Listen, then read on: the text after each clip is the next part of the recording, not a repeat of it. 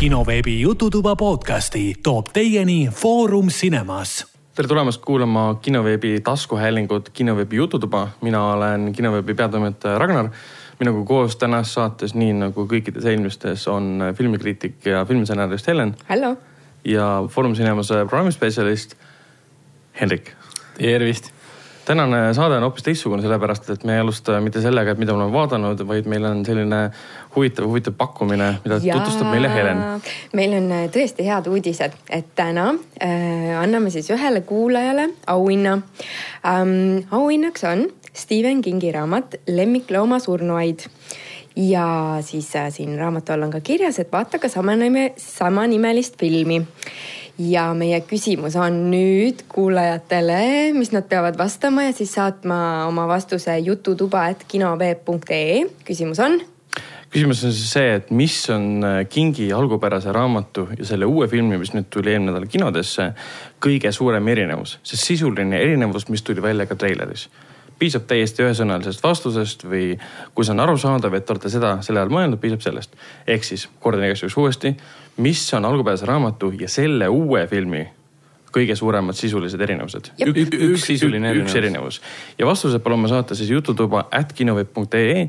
kui vastuseid ehk siis õigeid vastuseid tuleb hästi palju mm, -hmm. siis me lihtsalt loosime kasutame random asja, jutt, Google'is või mis iganes mm -hmm. ja valime suvalise inimese, kes võidab endale selle raamatu. peaasi, et me ausaks jääme. jah, et äh, ja ma raamat, tahan endale seda raamatut. tegemist on siis uue, uue tõlkega, täiesti uue tõlkega, kuigi alles. trükiga, uue trükiga. uue trükiga. täpselt. Kuigi alles paar aastat tagasi tuli välja, aga see on selline versioon, kus on siis filmi poster ka peal. nii ja siin on raamatu hääl. lugesin läbi, see on siis tõestus, et raamat on olemas ikkagi. kohe siin minu käes ja ootab uut omanikku. vot, aga see koosolek osa sai nüüd läbi et äh, lähme edasi, mida nende filmide juurde, mida oleme vaadanud. ehk siis terves saates seekord me räägime nii nagu tavaliselt räägime sellest, et mida me oleme vahepeal vaadanud, ehk siis mitte kinos, vaid lihtsalt kodus. siis me räägime uudistest nii meilt kui mujalt, siis me räägime nendest filmidest, mida me oleme vahepeal kinos vaadanud. selleks on siis seekord äh, juba mainitud Lemmiklooma surnuaid oli Lemmiklooma surnuaed, Oli, ja oli. täpselt mm. -hmm. tahan alati, alati öelda Lemmiklooma surnuaed. ma tahaks ka öelda, see on nii lihtne. ja siis muidugi räägime DC komiksifilmist äh, Shazam. Ja siis teeme ka mõned äh, filmisoovitud, soovitused siis äh, käesolevaks nädalaks, mida vaadata nii kinos kui ka Netflixis mm. -hmm. jutuks tuleb ka tegelikult filmisektsioonis tuleb ka jutuks ka äh, kolmekümne üheksanda aasta mängufilmist Tuulest viidud, mida, mida pool meie seltskonnas käis äh, möödunud kolmapäeval vaatamas. aga me vaatasime seda kinos ja sellepärast ei mainingi seda vaata. see pidi üllatus olema, Henrik. see, pidi üllatus olema, jaa, ma ei saanud seda memo. okei. You you didn't get the memo pannud, te ei siis- pannud mind koopiasse. räägi, mis sa vaatasid siis vahepeal. aga ei, alustame hoopis Helenist, Helenil on palju huvitavamad, huvitavamad valikud kui meil ja palju palju rohkem neid tegelikult ka. okei, okei. minuga juhtus üks naljakas asi tegelikult, et äh, ma hakkasin vaatama sihukest sarja Netflixi, Netflixist nagu Lady Dynamite. ja mina ei tea, kust otsast mina teda alustasin ja vaatasin, vaatasin, vaatasin ja ühel hetkel vaatasin jube glamuurne ja äge lõpp nagu ah, pidu ja pillerkarm möll. Ja siis järsku vaatan, käisin kuskil ära korra olin teleka eest ära ja järgmine hetk, kui ma hakkasin uuesti vaatama, siis ma vaatan, et piloot, osa üks, see, see season one. sa arvasid, et see oli film või? ei, ma, mul on sihuke kahtlane tunne, et ma alustasin teisest hooajast.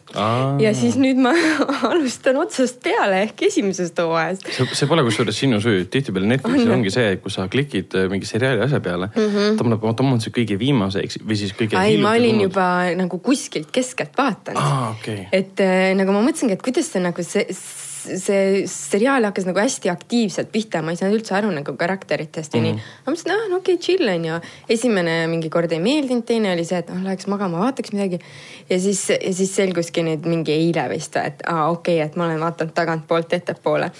aga see on niisugune mm, pea, see on Netflixi originaalsari mm -hmm. ühest naisest, noh siis esimese hooaja järgi tundub, et ta otsib endale härrat ja ta on Hollywoodi komöö-, komöö-, komöödik, koomik. koom-, komöödik see kõlas nagu komöödik, komeedikomm. ja, ja no ma juba tean, mis teises, teises hooajas juhtuma hakkab, nii et äh, selles suhtes on päris äge vaadata esimesest peale.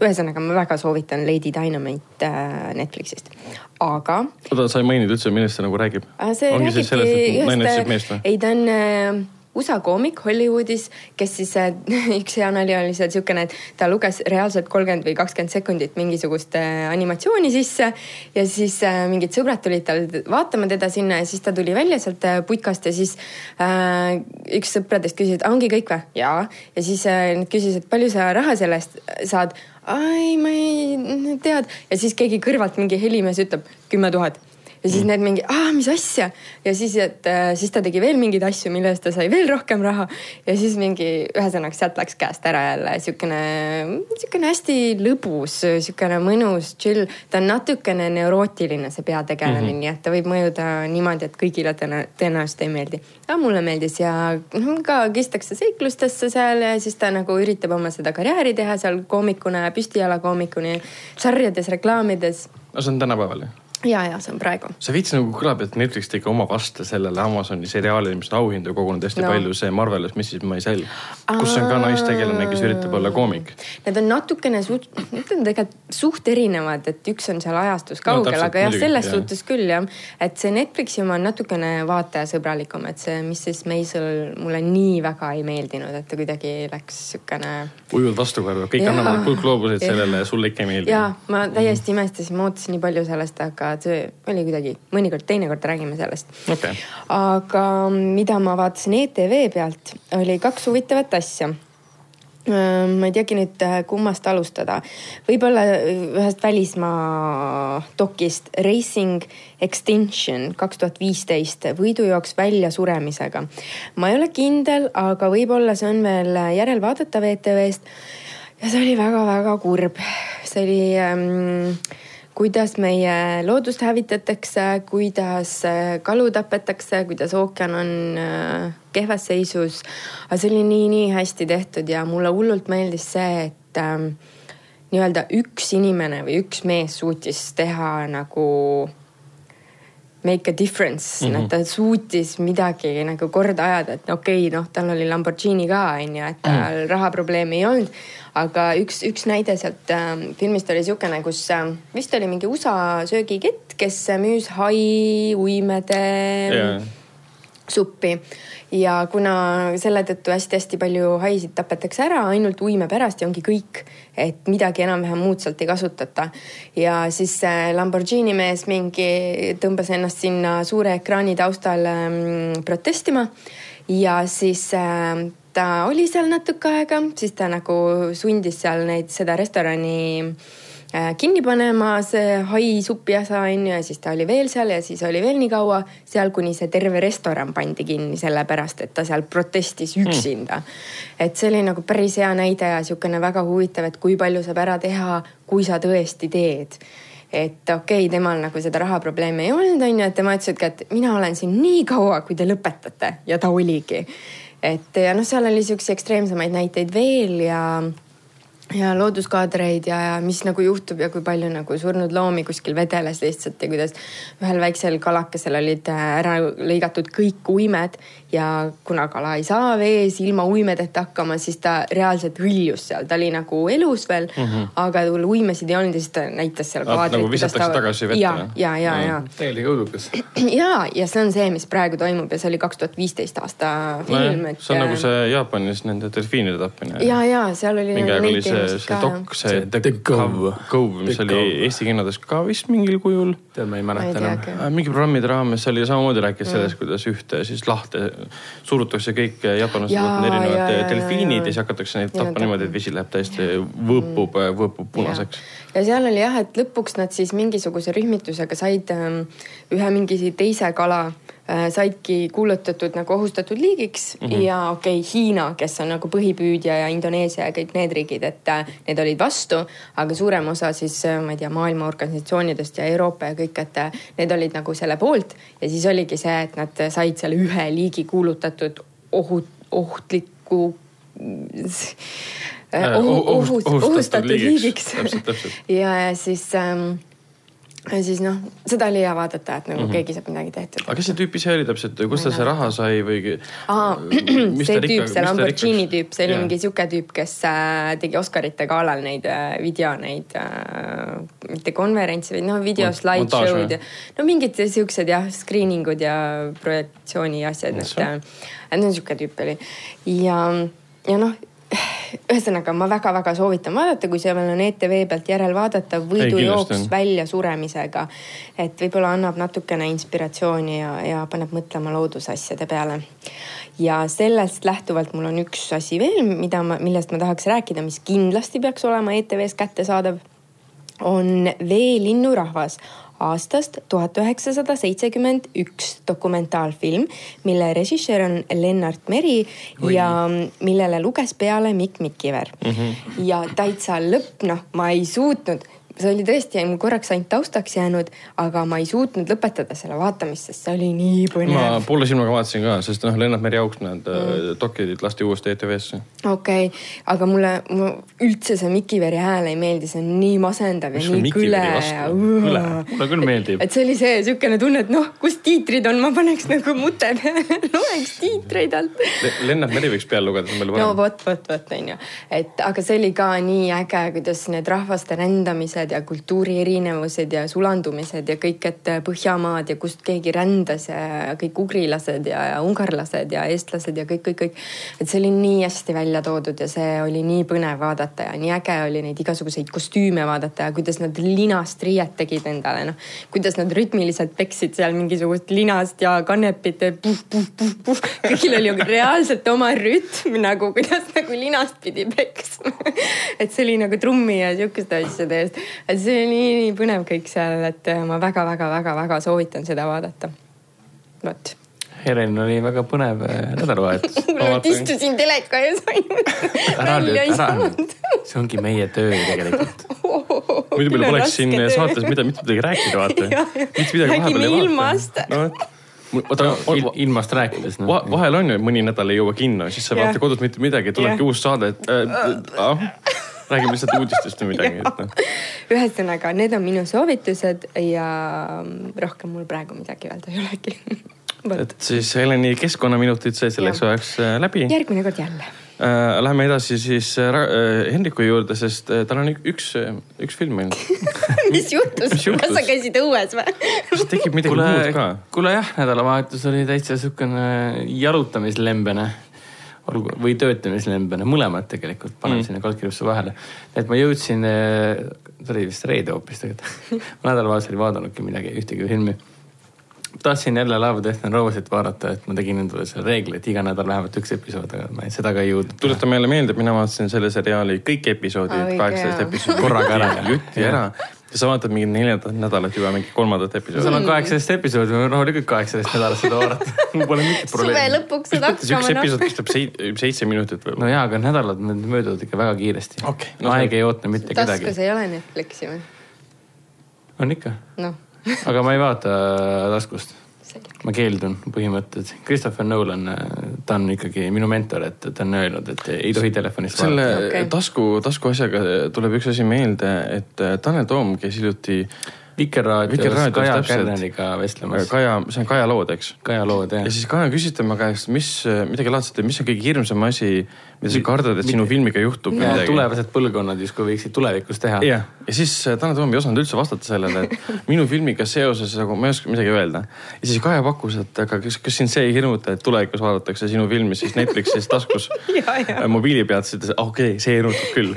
päris paan. selle peale ta naeris päris kõvasti. et see ongi tegelikult film, mida ei tohi elu sees mobiilist Jaa. vaadata, et see on nagu väga-väga piinlik. aga rääkides eh, sellistest kitsastest kohtadest, nagu seda on tasku, siis väga hea tie-in või noh, edasiminek on tegelikult film, mis ma vaatasin reedel. ei, ma vaatasin vist reedel ja laupäeval kahes osas nii-öelda järelvaatamisega. ja selleks oli siis kahe tuhande kaheteistkümnenda aasta märulifilm, ulmemärul nimega Dread Mm -hmm. et reedel vaatasin algust ja keskpaigan ära ja siis laupäeval vaatasin lõpuni. Ma olen kohutav selle filmi fänn uh,. ma vist vaatasin seda nüüd alles tegelikult, olles fänn, siis ma vaatasin alles teist korda. kas see on eestikeelse pealkirjaga ka? Minu meelest oligi Dread. jah, Straight on selle kohtuniku nimi pandi, talle kino jaoks äkki kohtunik Dread või ta põhineb. sellel vanal koomiksiseerial, millest äh, Stallone'ist, Stallone tegi ka kunagi ühe filmi, mille nimi oli Red. Red, aga see oli kohutavalt kämp film. jah, Okei. see on see legendaarne. millest on meem saanud ja nii edasi. täpselt, see legendaarne stseen on seal, kus üks tegelane karjub siis Stallone'i tegelaskuju peale, kes on kohtunik Dredd, et äh, I am the law, midagi, midagi laadset ja siis. Dredd, Dredd karjub vastu niimoodi nagu peaaegu hääldamatu. the law. Et see oli nagu totaalne kämpfilm. Mas-, maskuliinsete meeste üksteise peale karjumine käib, et aga kuida- aga see uus Dredd on hoopis uus Dread teistsugune. on nagu täiesti siukene sirgjooneline, ülistiilne, räme, vägivaldne Oo. ilma igasuguse, okei okay,, paar huumor, humoorikat hetke oli, aga muidu on ilma igasuguse huumorita täielik siukene sirge kivinäoga räme andmine mm. -hmm. et kogu see noh, filmi kontseptsioon seisneb selles, et meil on niisugune kaugemat sorti tulevik, kus siis inimkond on kolinud äh, tohututesse, tohututesse pilvelõhkujatesse, mis ongi nagu getod, mis ongi terved linnad põhimõtteliselt Jaa, linnad taeva poole, et inimesed muidu Ei maa peal maa peal põhimõtteliselt ei elagi Oh. laiali nii-öelda, nad elavad kõik tornides mm. -hmm. ja siis meie kohtunik Dreet koos ühe noorukiga, noore uustulnukaga, kes on selgeltnägija, mida ma ei mäletagi kunagi, et vanasti siin, mis oli selgeltnägija teemasse sees. ja seal ongi, et politsei kasutab siis äh, inimesi, kellel on kuna see on võimed. nagu kiiritusjärgne ajastu, siis on osaliselt inimesed muteerunud ja, ja mõnedel Ohoh. avalduvad selgeltnägija võimed. igatahes meie Dreet, keda mängib Karl Urban, keda me teame ju väga hästi sellistest filmidest nagu Chronicles of Riddick tegelikult jah, okei siis tal oli see äge, äge, vaat see Pathfinder, see viikingi, viikingimärul nii-öelda, mis oli Star täiesti,, Star track ka. Star trek ka muidugi hea.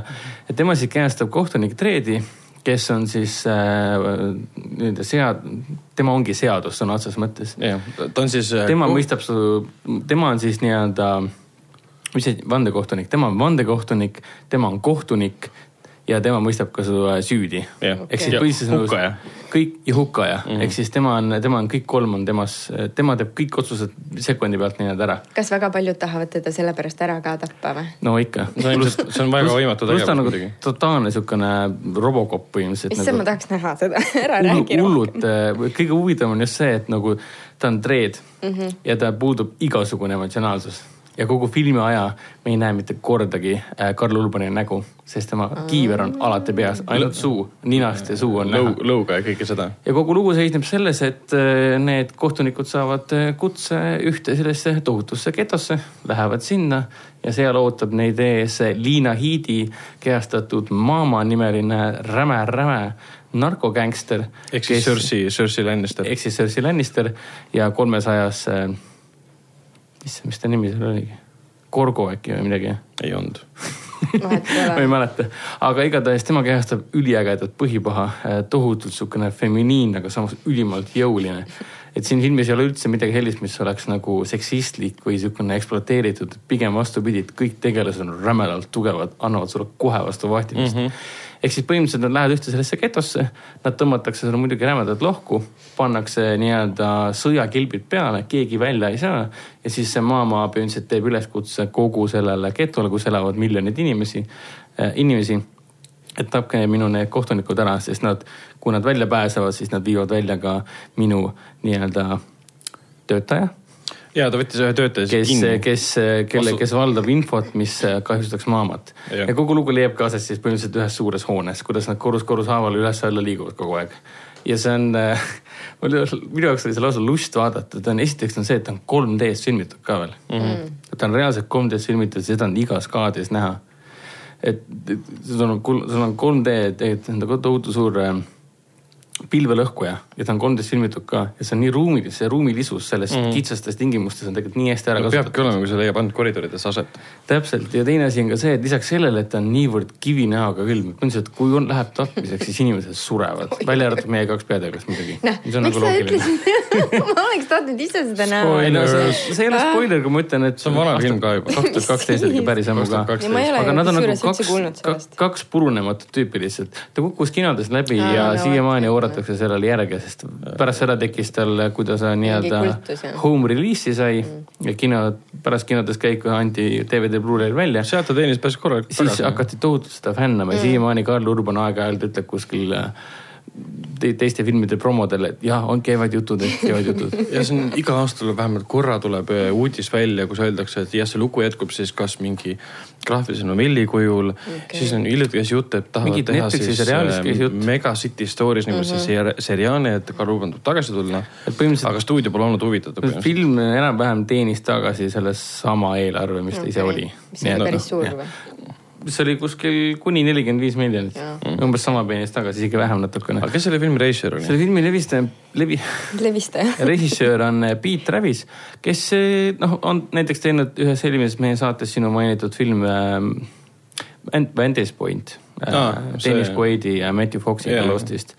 aga tähtis on see, et selle filmi stsenaristiks on ei keegi muu kui Alex Garland jah, see ehk siis Annihilationi ja, ja mm, Ex Machina režissöör ja stsenarist. ja kakskümmend kaheksa päeva hiljem stsenarist ja Sunshine'i stsenarist ja.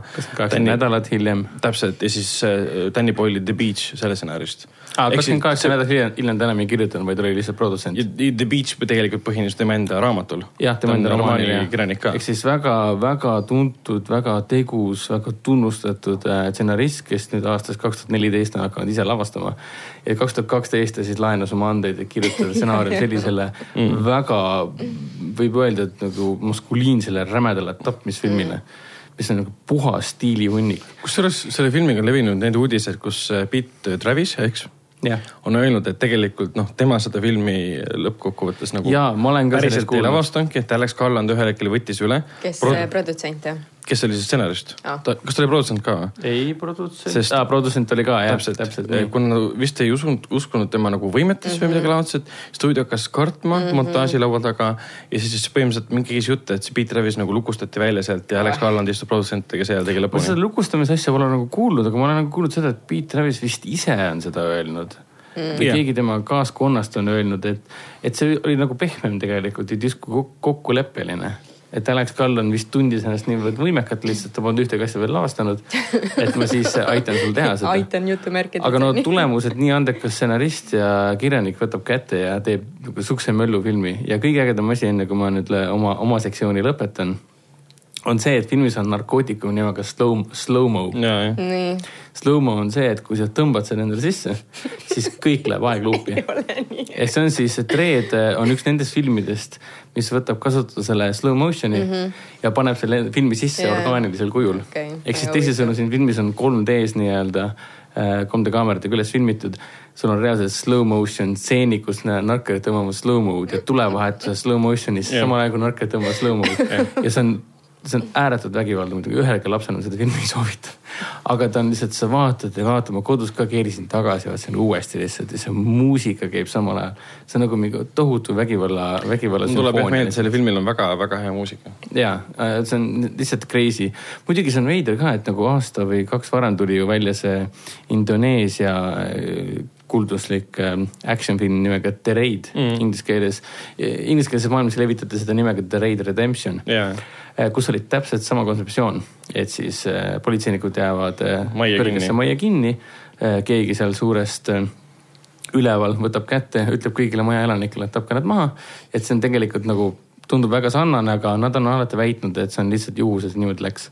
okei. sest need hooned olid vist koomiksis olemas, et see on nagu orgaaniline asi, mida teha jah, jah, täpselt. pigem võib-olla tõukas, et kuidas eelarvet kokku hoida, teeme kõik ühes majas.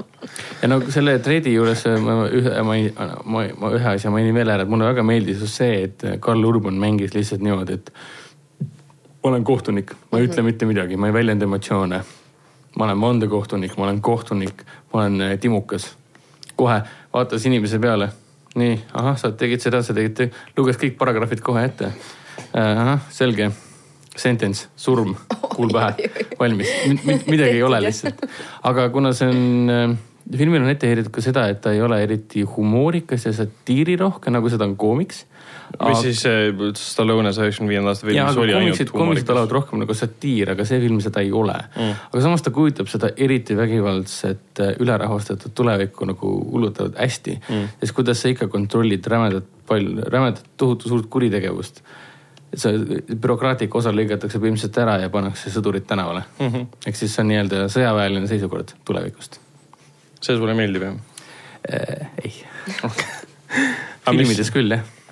Mina vaatasin vahepeal Hellboy uuesti ära, algupärase filmi, kaks tuhat neli aasta filmi, siis äh, kahe tuhande neljanda aasta film tähendab. kas sa valmistusid uueks, uueks filmiks? jah, kuna sel nädalal tuleb kinodesse, siis äh, Frank Marshalli avastatud ähm,, Neil Marshall. vabandust, Neil Marshall, Frank Marshall on, on produtsent hoopis.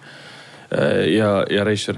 Neil Marshall on see mees, kes siis on lavastanud erinevaid Game of Thronesi episoode ja tema toob siis meile uue Hellboy. mina vaatasin seda kahe tuhande neljanda aasta Hellboy, mis on siis Guillermo del Toro lavastatud mm. -hmm. Ja siiamaani töötab, siiamaani suurepärane film. efektid pole aegunud, lugu pole aegunud see on ideaalne nagu, kui tahad tutvuda, mis asi on, Guillermo del Toro film võib vabalt sellest filmist alustada. sest kõik nagu tegelased on inimlikud, isegi kui nad on, üks on kalamees, kes leiti äh, aastal mingi tuhat kaheksasada kuskilt veealusest baasist. üks on äh, põrgust pärit Hellboy, kellel on üks tohutu suur rusikas ja ta on oma sarved maha saaginud, seal on teises osas tuleb näiteks mingisugune äh, sakslase vaim esimese maailmasõjast pärit, kes on ühe siukse mm, scuba divingi nagu metallis kostüümi sees. ja esimeses oli see Groenen ju. ja seal on Groenen, kes on üks äh, sakslane. Nats.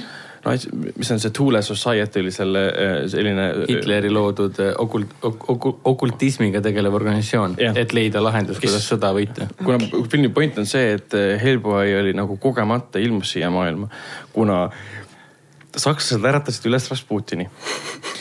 Või Rasputini surnud tegelikult kunagi ära, olgu, et teda pussitati, mürgitati, mida iganes. ja ta tuli tagasi ja sakslased kasutasid tema abi, et avada põhimõtteliselt portaal põhimõtteliselt Cthulhu maailma, aga seal on mingi ortu džahaad. niisugune hästi, hästi niisugune Lovecraftilik äh, fantaasia tuleb järsku mängu. point oli selles, et nad tahtsid iidse kurjuse tuua kosmosest või kuskilt teispoolsusest nagu meie maailma, et muuta sõja kulgu, et sakslased võidaksid. see muidugi ei õnnestunud, sakslased kaotasid. aga Hellboy tuli ka kolmandast välja ja tema siis palgati nii-öelda, mitte palgati, võeti enda, kui ta oli väike poiss, ta oli hästi-hästi pisike, filmi alguses hästi nunnu. võeti enda juurde, kasvatati üles, seal on siis John Hurt mängib tema siis nii-öelda isa ja ta on siis inim-, inim-, inimlikkuse nagu pooldaja, inimeste pooldaja ja võitleb siis, aitab siis võidelda inimestel äh, kurjuse vastu, eraldi organisatsioon kaks on, ka kaks põrandaalust organisatsiooni, kes võitlevad Jah. kurjusega pimedas. aga minu arust täiesti nagu perfektne film selle koha pealt, kus sa tahad vaadata midagi, mis põhineb koomiksil, kus on hästi palju kolle ja kus sa, sa, põhimõtteliselt igas detailis tunned seda, et Del Toro oma puhtalt sellepärast, et Del Torole meeldivad väga koletised mm. -hmm. see on tema nagu ting nagu Hollywoodi. ja ta on sihuke sünge, hästi südamlik. ta ei ole väga sünge, seal on nagu see, ta on, huumor käib kogu aeg käsikäes iga momendiga, aga see pole kunagi liiga palju ega liiga vähe ja kui ta tahab olla tõsine, siis ta on tõsine. aga lihtsalt need koletised, need on praktiliste efektidega tehtud. fantastiline, eriti teises osas ka, mis tuli paar aastat hiljem ja kinodes väga palju ei teeninud. mis oli ka põhjus, miks Universal, tähendab Paramount, Columbia Pictures tähendab Sony siis otsustas kolmas ikka läheb pihta. ja, ja, ja ei Columbia Pictures jah, otsustas, et nemad ei anna raha siis kolmanda osa jaoks ja Del Toro läks edasi põhimõtteliselt mm. ja siis pärast seda läkski ka õigused äh, siis, kes seda uut teeb nüüd, Lionsgate või? Nende kätte, kes teevad uue filmi. aga ja tõesti soovitan vaadata, see on väga-väga äge film ja vaatasin ära ka selle Netflixi originaali äh, Triple Frontier. see on siis J.C. Shandori film, see tüüp, kes tegi Margin Calli kunagi äh, mis oli väga äge selline mm, majand-, majandustriller. siis ta tegi ka mm, Oscar Isaaciga siis selle mm, Most Violent Man, kus mängis ka. Year. Year, jah täpselt. oli Man, kurat. ei, A Most Violent Year oli. kus oli ka kadunud, kadunud äh, Philip Seymour Hoffman, kui ma ei eksi. ja siis ta tegi ka, mis tal veel on käpa all olnud, praegu need kaks filmi meenuvadki ah,. All is lost, Robert Redfordiga, Robert Redford paadi peal. Ja, ja, see läbi oli kogu filmi, kus ta film. ei räägi ühtegi sõna ja kui ütleb spoiler ühe sõna, siis on see fuck. kuna, jah, kuna paat läheb ümber, väga äge film oli. ja Triple Frontier on tema siis äh, esimene nagu suur-suur action film selle koha kas see pealt oli natuke sci-fi ka midagi? ei, absoluutselt ainult mitte seal on endised nagu sõjaväelased otsustavad, et me läheme siis röövime Lõuna-Ameerika ühest äh, riigist äh, ühe narkokartelli bossi maja, kus ta hoiab oma raha, kuna ta ei usalda panku. röövime selle maja tühjaks, võtame raha ära, lähme minema, elame rahulikult edasi. ja nii lihtne ongi, onju. kõlab, kõlab, kõlab väga tüüpiliselt. film kestab, mis ta oli, kaks, üle kahe tunni veits kakskümmend kakskümmend äkki. ja see, see rööviosa. kaks null viis. jah, vot see rööviosa toimub väga kiiresti ära mm. -hmm aga see, mis pärast tuleb ja kui asjad, kui metsa hakkavad asjad minema mm, -hmm. see on väga-väga võimas. eriti arvestades, et seal on nagu Ben Affleck on peaosas, siis on Oscar Isaacs seal, Garrett Hedlund, Charlie Hunnam. Pedro Pascal, kes seal veel, praegu rohkem ei tulegi. Garrett Hedlund mainisid ju. jah, Okei. vaata põhilised tüübid, et ja Ben Afflecki jaoks on see minu arust täiesti ideaalne roll, et tüüp, kes on avalikult räägib sellest, kuidas ta ei suuda alkoholist kä- käsi eemale hoida Jah. ja räige alkohoolik, see on üks põhjus ka, miks ta näiteks sellest Batman'i rollist nagu tahtis loobuda, et ta läks rehab'i tagasi. aga nüüd hiljuti mingid erinevates saadetes umbes räägib sellest mm.. ja selles rollis ka, et ta on endine sõjaväelane, kes üritab normaalset elu elada. nagu special ops sõjaväelane mm -hmm, siis jah. ja, ja otsustab, et kuna see normaalne elu on tema jaoks nii äh, mitte tulus, et ta ei tee, arvata on ju. mitte, asi pole nagu selles, et ta tahaks väga nagu tagasi tulistama mm -hmm. minna või umbes olla kuskil džunglis, võidelda mingite tüüpidega. vaid pigem see, et ta ei teeni midagi mm -hmm. ja filmi nagu kandev teema ongi see, et sul on äh, sõjaväelased, special ops sõjaväelased, kes on andnud oma elu riigile mm -hmm. erinevates riikides mingi kakskümmend aastat tegutsenud, igal pool käinud, oma eluga risk, riskeerinud ja kui nad tagasi tulevad sealt, hakkavad normaalset elu, siis neil pole raha, nad ei Jaa. suuda äh, kolledžis maksta oma ja umbes siuksed põhjused posttraumaatiline sündroom ja vajab neid tavaliselt. peategelase põhjus näiteks on ka väga sümpaatne, et ta on mingi kaksteist aastat üritanud selles riigis nagu seda narkokartelli juhti maha võtta okay.. täiesti mõttetu, sest mm. süsteem on nii korrupeerunud lihtsalt mm.. ja siis ta otsustabki, et võtame raha ära, tapame tüübi ära, keegi noh, keegi No rahast puudu ei jää, sellepärast et see on varastatud raha. aga väga tõhus korralikult, kuidas nüüd öelda, pingestatud film mm. ja ta ühel hetkel muutub selliseks, kuidas öelda ähm,, road movie'ks mõnes mõttes isegi mm.. ja hästi palju siukseid, kuidas nüüd öelda, ohverdusi tehakse ja hästi palju lang-, langemisi on nende näitlejate ridades. Aga ta, aga ta näeb fantastiline välja ja kahju, et ta kinno ei tulnud. okei. sest on täpselt selline film, kus vaatad seda, et kurat, seda tahaks mm. vabandust peale sellest uh.. kui seda alles Äh, ima, hiljuti, IMAX-i ekraani kuskil vaadata näiteks. see Triple Frontieri lugu alles hiljuti nüüd kaks aastat tagasi oli just kinodes äh, film nimega Renegades mm. -hmm. Eesti keeles oli Mässajad, seal oli ah, see oli ka Aa, jah. J.K. Simmons oli seal ja mingid näitlejad veel, kelle nimesid ma ei mäleta mingid enam. tüübid läksid Bosnias kuskil röövima midagi. ja täpselt, et avastasid, et Bosnias kuskil järves on äh, mingi kuld kullavara või, midagi, kullamaardla mingi. rong oli sinna kukkunud natside kullaga. et lähme varastame natside kulla ära nende. aga see oli kohutav rämpsunud. see oli, see oli vist jah, et aga no väga sarnane sisu tegelikult nagu. see. oli vist üks põhjustest, miks Eurocorp ja Luc Bessoni ettevõte, kes seda siis produtseeris ja levitas, peaaegu et põhja hakkas minema. Okei okay,, see Valerian ka muidugi. sest me oleme ju sihukeseid teemalisi filme vaadanud, PÖFFil oli ju ka üks, no seal oli küll õnneliku mm. lõpuga, kus ka lõpuks ta mingi mees oli ja siis tal oli mingi naine ja siis nad röövisid mingisugust narkoärikat ja siis pärast oli õnnelik lõpp, te ei mäleta või? Elas see- oma väikse basseini ääres kuskil naisega, kes talle see- enam ei see- meeldinud. see prantsuse film, see on, see on. Netflixis ka praegu. aa jaa, on, ma nägin seda Netflixis. ma ei mäleta selle filmi nime, ta mis oli film see oli siis? Hea küsimus. kas ta oli selle, ta oli Kostas Kravase mm, poeg mm. Roman Kravas või Kravias, kuidas seda nime, perekonnanime hääldati. selle tüübi film, tema eelmine film oli The World is yours, Vincent Cassel peaosas aa, see, aa mulle üldse ei meeldinud see. ah,. see oli päris ta, okei ta okay. oli okei okay,, aga, aga noh, sama sisu põhimõtteliselt No, siin ongi jälle see, See keeleline ja action staaride vahe. kui Vincent Casselli nime Netflixist otsite, siis leiab selle filmi üles või siis keegi praegu meist teeb selle teene, teene ja otsib selle nime üles. Vincent kas keegi viitsib seda teha?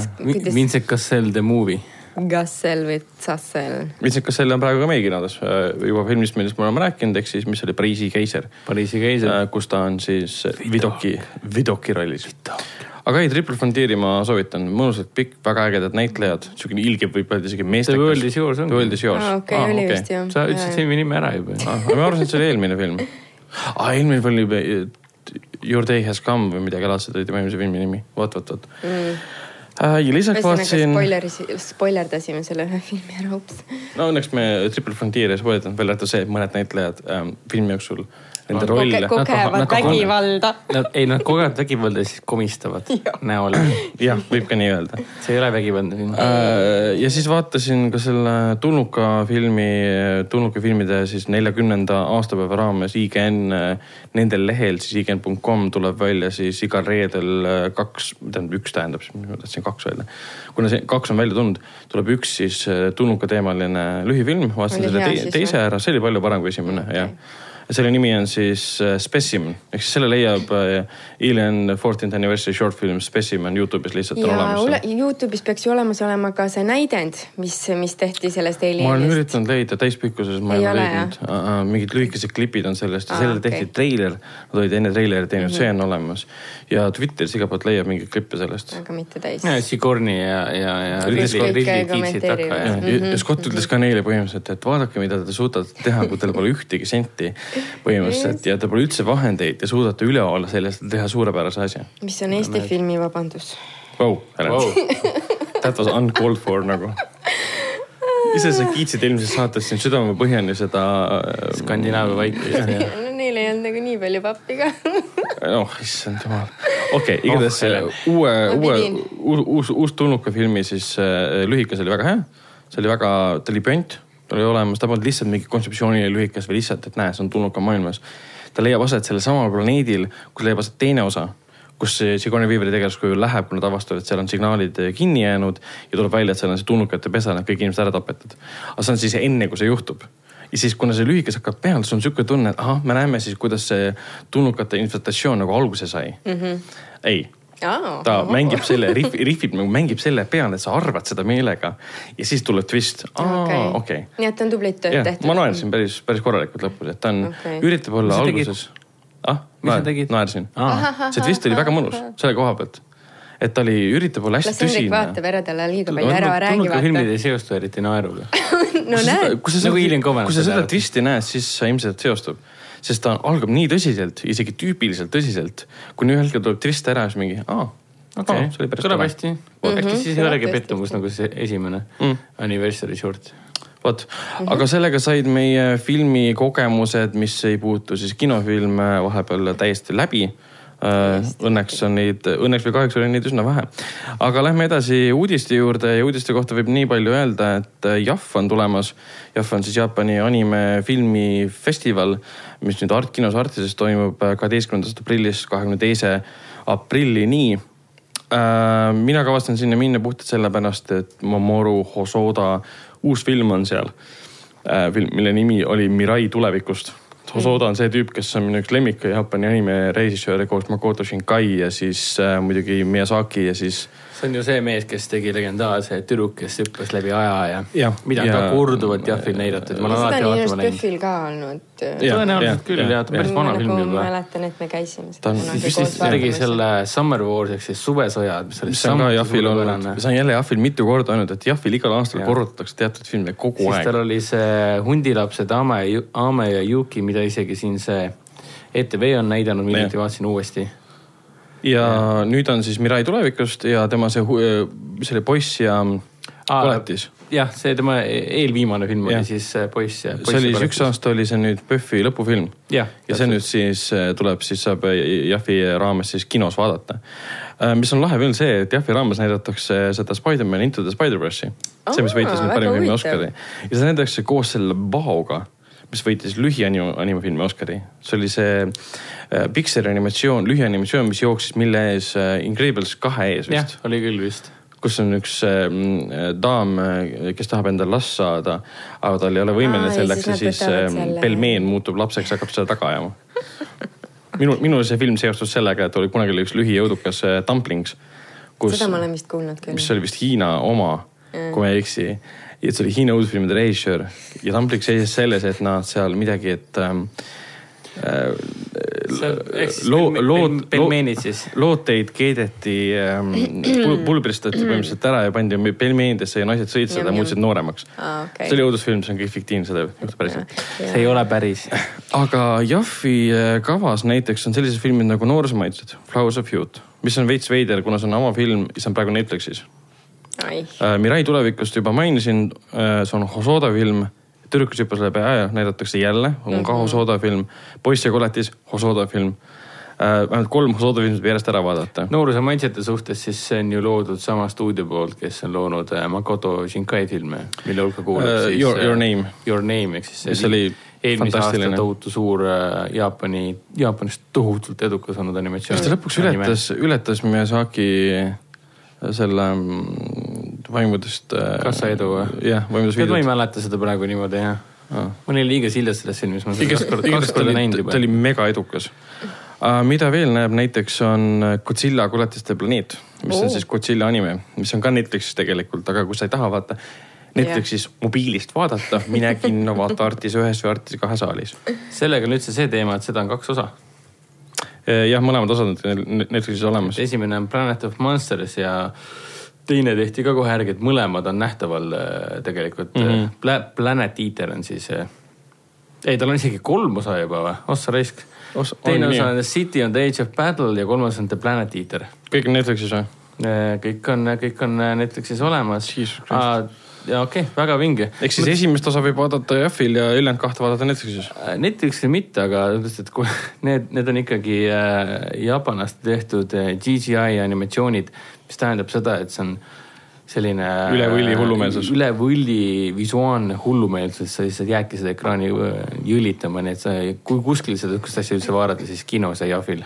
okei, Mhm. no see kõlab hästi ju. Äh, lisaks linastub seal ka Loving Vincent, armastusega Vincent Ahah,, mis on siis äh, käsi, täpselt oli jaa, käsitsi joonistatud, maalitud iga mm -hmm. kaadrikuga siis, siis animatsioon Jaa. mis on siis Vincent van Gogh'st mm -hmm. ja samal ajal linastub siis armastusega Vincent ja Võimatu unistus, mis on dokumentaalfilm selle tegemisest. ahaa, okei okay,. see film on juba aastast kaks tuhat seitseteist, kui ta ma ei on jaa Jah, ja,, sest jah. ähm, ma puutusin kokku kuidagi selle filmiga.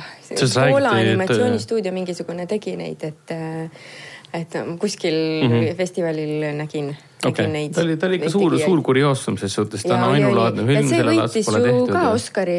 Kandideeris, äh, ta, no ei, ta ei võitnud jah, nomineeritud küll. animatsiooni Oscarile. ühesõnaga, neil läks väga hästi ka pärast seda, selle filmi see oli ikka meeletu töö, mis selle filmi alla läks, iga kaadri eraldi joonistada. ja et kuna ju praegu kõik tehakse ikkagi arvutiga, siis võiks ju muidugi vaatama minna, et äh, milline nagu see käsitsi joonistatud, vanasti ju tegid Disney multikad joonistati kõik käsitsi samamoodi onju, et, et noh, et nüüd üle väga-väga pika aja midagi sihukest tehtud, siis kindlasti tasuks seda vaadata absoluutselt. ja seda dokki ka. ja mina lähen, tegemisest, tegemisest. vot, mina lähen seda kindlasti vaatama, aga ma rohkem midagi siit kavast nagu soovitada ei oskagi peale Hosoda ja siis Vincent Van Gogh mm, -hmm. Van Gogh filmi ja Godzilla filmi. Spider-man'i ehk ka uuesti vaadata. ja Spider-man väga Okei. sobib, see on tõesti väga Seda- lõbus ja väga huvitav, mõnus mis, oli. mis, mis keeles nad seda näitavad? Tõenäoliselt ikka inglise ma keeles. loodan, et inglise keeles sest äh, äkki näitad Jaapani dublaažiga? väga huvitav, kui paljud äge. aru saavad sellest. aga jaa, pärast äh, Jahvi ju on äh, siis Hõhv, jah, mis algab juba nüüd kahekümne viiendal aprillil kuni Jep. siis kakskümmend. seekord siis neli päeva. ja on kava täiesti teada, et näiteks on see teada, et ma võtan kohe linastuste ajakava lahti. Et juba esimesel neljapäeval, jah, esimesel päeval neljapäeval saab näha Reich of the Dead'i, mis on siis Julius Kitse natsisombi õudusfilm, mis on siis Eesti natsisombi õudusfilm, Eesti esimene natsi. see kõlab nii hästi, see on nii uhke tunne. Eesti esimene Natsisombi õudusfilm. natsisombi õudusfilm. Äh, ma ei, ma sellest filmist ei tea mitte midagi, aga seda näidatakse pool kaheksa suures saalis. Siis pool ühe, see kestab mingit alla tunni. ja siis pool üheksa suures saalis mina olen kohal, vaatan Matrixit suurel OMG. ekraanil, sest mina äh, olin üheksa aastane, kui film välja tuli, mina ei ole seda suurel ekraanil näinud. ja ma nägin ka seda siis suurel ekraanil, kui teine või kolmas osa tuli kinodesse ja siis kosmoses näidati esimest osa uuesti. mis on väga hea. see on vist see koht, kus Henrik saab öelda, et tema on see tüüp, kes siis äh, HÖFFi esimesel päeval äh, ei ole Haapsalus. mis mõttes? oota, miks sa ei ole, miks ma ei ole mis sul on Haapsalus? midagi tähtsamat teha või? mis kahju kahjuks küll, sellepärast et äh, kahekümne kuuenda aprilli esimestel minutitel ehk siis null null null üks esilinastub äh, meil siin Coca-Cola Plaza Iceland saalis ja ka teises saalis äh, ei miski muu kui tasujate äh, uus osa, lõppmäng. ja, ja mul on vaja seal olla, sest ma pean olema üks nende seas, kes kogeb seda Sa. saal on peaaegu välja müüdud, et enam ei olegi varsti ruumi, et Aga mitte teil on aega otsustada veel aga mitte ainult lõppmäng, sest Infinity War ehk sest äh, igaviku sõda täpselt. nii, pool üheksa, noh, sa saad terve, terve õhtu siis veeta tasujatega, et pool üheksa vaatame igaviku sõda ja siis eh, kell null null null üks alustame lõppmänguga. täiesti mul on nii hea meel, et ma Haapsalus mul, olen siis. mulle, mulle ei ole üldse, mul ei ole üldse süümekaid, mina, ma ei kujuta ette, no ma ei ole nüüd nii suur Marveli fänn, aga, aga kui mulle pakutakse võimalust vaadata tasujate kahte viimast osa järjest, siis nagu muidugi, ei tea, fuck not nojah, ma vaatan. ma vahepeal olin valmis ka minema, tulema, aga ma siis. jumal tänatud, sulle tuli mõistus pähe ikka, et nagu joo jah, mõtlesin täiesti ümber. aga sellest on mul on väga kahju, sellepärast et ma vaatan siin esimese päeva õhtul on ju sihuke asi nagu see, HÖFFil siis on selline programm nagu Need surnud ju elavad, öine Oh-oh. rämps, rämpszombifilmide maraton. sellest kestab neli, neli ja pool tundi. kolm filmi, hommikuni ikka onju. nad alustab kell kakskümmend kolm viisteist ja neli tundi. neli ja pool tundi. põhimõtteliselt hommikuni jah. nii et siis siin tuleb näitamisele üks, kaks, kolm, kolm filmi tuleb näitamisele. seda saab äh, Hõhvi kodukalt ka vaadata veel äh, üle, et kes tahab hästi täpselt teada mis siis- ja kus. aga nendest filmidest ma olen, ma olen kahte näinud. üks on siis äh, Surnud nudistide koloonia. Nudist Colony of the Dead või? jah, see on äh, so, äh, zombi nudistide õuduskomöödia muusikal. oh..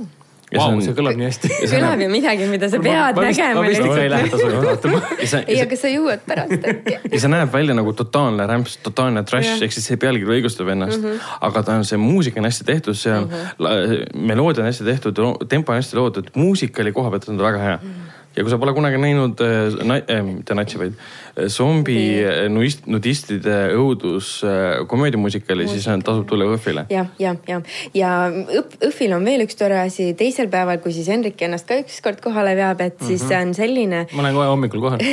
aga oota, kell seitse hakkab siis selline Eesti film nagu Karv. see on lühifilm, see on täitsa uus, uus ja värskelt valminud vist, nagu ma aru saan. Oskar Lehemaa lavastatud. ja on ka hirmus, hirmus, hirmus film. jah, see on siis body horror'i äh, žanri ehk siis see viitab sellele, et äh, inimesele tehakse kehalisi äh, koledusi mm. Mhm. ja siis kõigil läheb süda pahaks ja kõik mingi.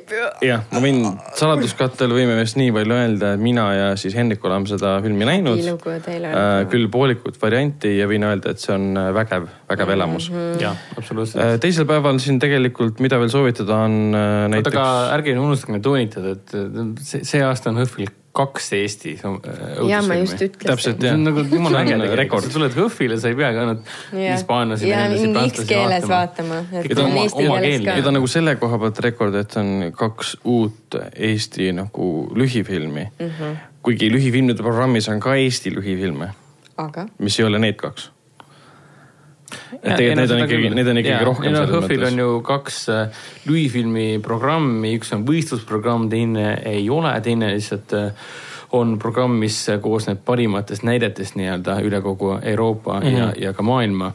et äh, seal on ka meil, Hõhvil on seal kaks kuni kolm erinevat värsket Eesti õudus, lühiõudusfilmi. Nad on nii, nii animatsiooni kui arvutianimatsiooni kui ka, ka äh, erinevatel kujudel uh,. jah, aga mida ma välja tooksin, näiteks sihuke film nagu Friigid. puhtalt sellepärast, et selle filmi peaosades on Emily Hirsch ja Bruce Stern. film on tehtud põhimõtteliselt olematu summaga see on äh, õudukas ühest lapsest, kes hoitakse mingil põhjusel oma kodus kinni, et ei tohiks välismaailma näha. aga lihtsalt Bruce Stern on legendaarne USA näitleja ja Emily Hirsch on üsna, noh, üsna tuntud näitleja mm. -hmm. ja ma olen treilerit ka vaadanud ja seda ma lähen kindlasti vaatama, lisaks tooksin välja mm, Tuule, The Wind, mis tundub olevat siukene, ma pole ammu näinud ühtegi korralikku western horrorit, gothic mm -hmm. western horror USA-s ja muidugi Märtrid, millest me oleme rääkinud juba eelmises saates ka, mis on nii õudne ja jube, et seda paneb, sa tunned kui nahal seda tunnet, et nagu räpane, räpanasus läheb peale.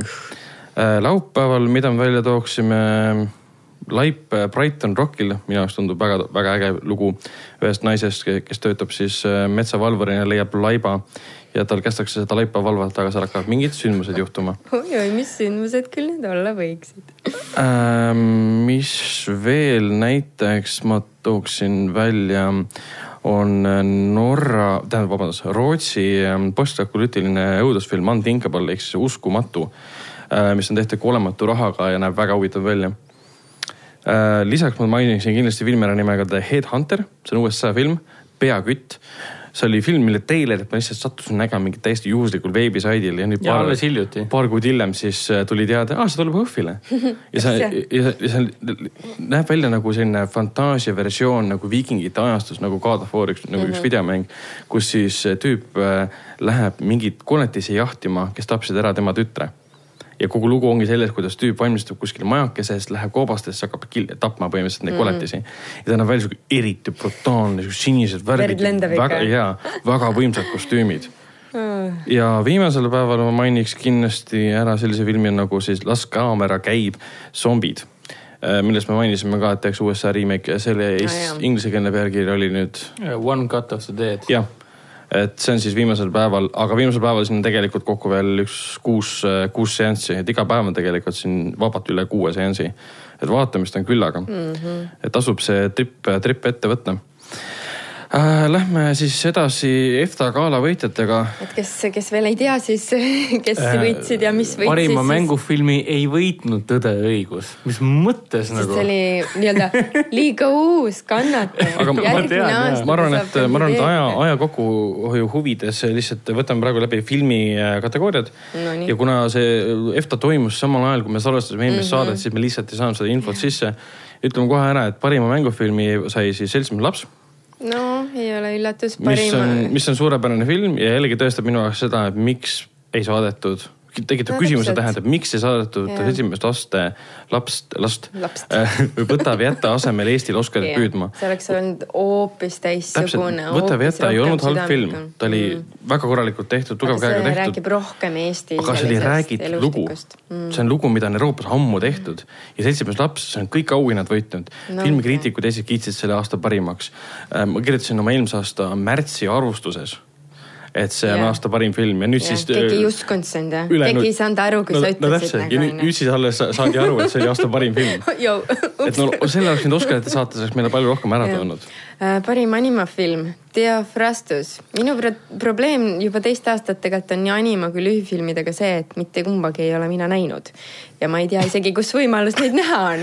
keegi ei ole mulle ka saatnud ja samamoodi ei tea, kas ma kuskil salalinastustele ei ole kutsutud. No Theophrastus oli- Nendega, ähm, nendega on jah, nagu? alatihti, alatihti on lühikate ja lühianimaga selline probleem, et nad. ainult tegijatele endale ja siis. ei, mitte päris, aga nad järsku ilmuvad välja kuskil erisensidel jah, ja võidavad Aga- enne, kui nad aga- linastuvad siin. aga selles, selleks ajaks, kui sa oled nagu tähele pannud oma, oma sihuke hektilise elu keskel, et see noh, oli, ei et see on olemas, siis on juba möödunud ja sul aga ei olegi enam seda võimalust näha hetke seda. nagu ei olegi olnud, ma mäletan jumala hästi, eelmine aasta võitis see lühifilm, mille pealkirja ma küll ei mäleta, aga see reaalselt ei linastunud kunagi Eestis nagu mis no asja et ma kuidas see mäletan, ma võimalik mäletan, on. oli jah see sama probleem ja. et eh, okei okay,, noh, animatsioonid, ma tahaks väga Eesti animet näha, sest need on nii ägedad ja.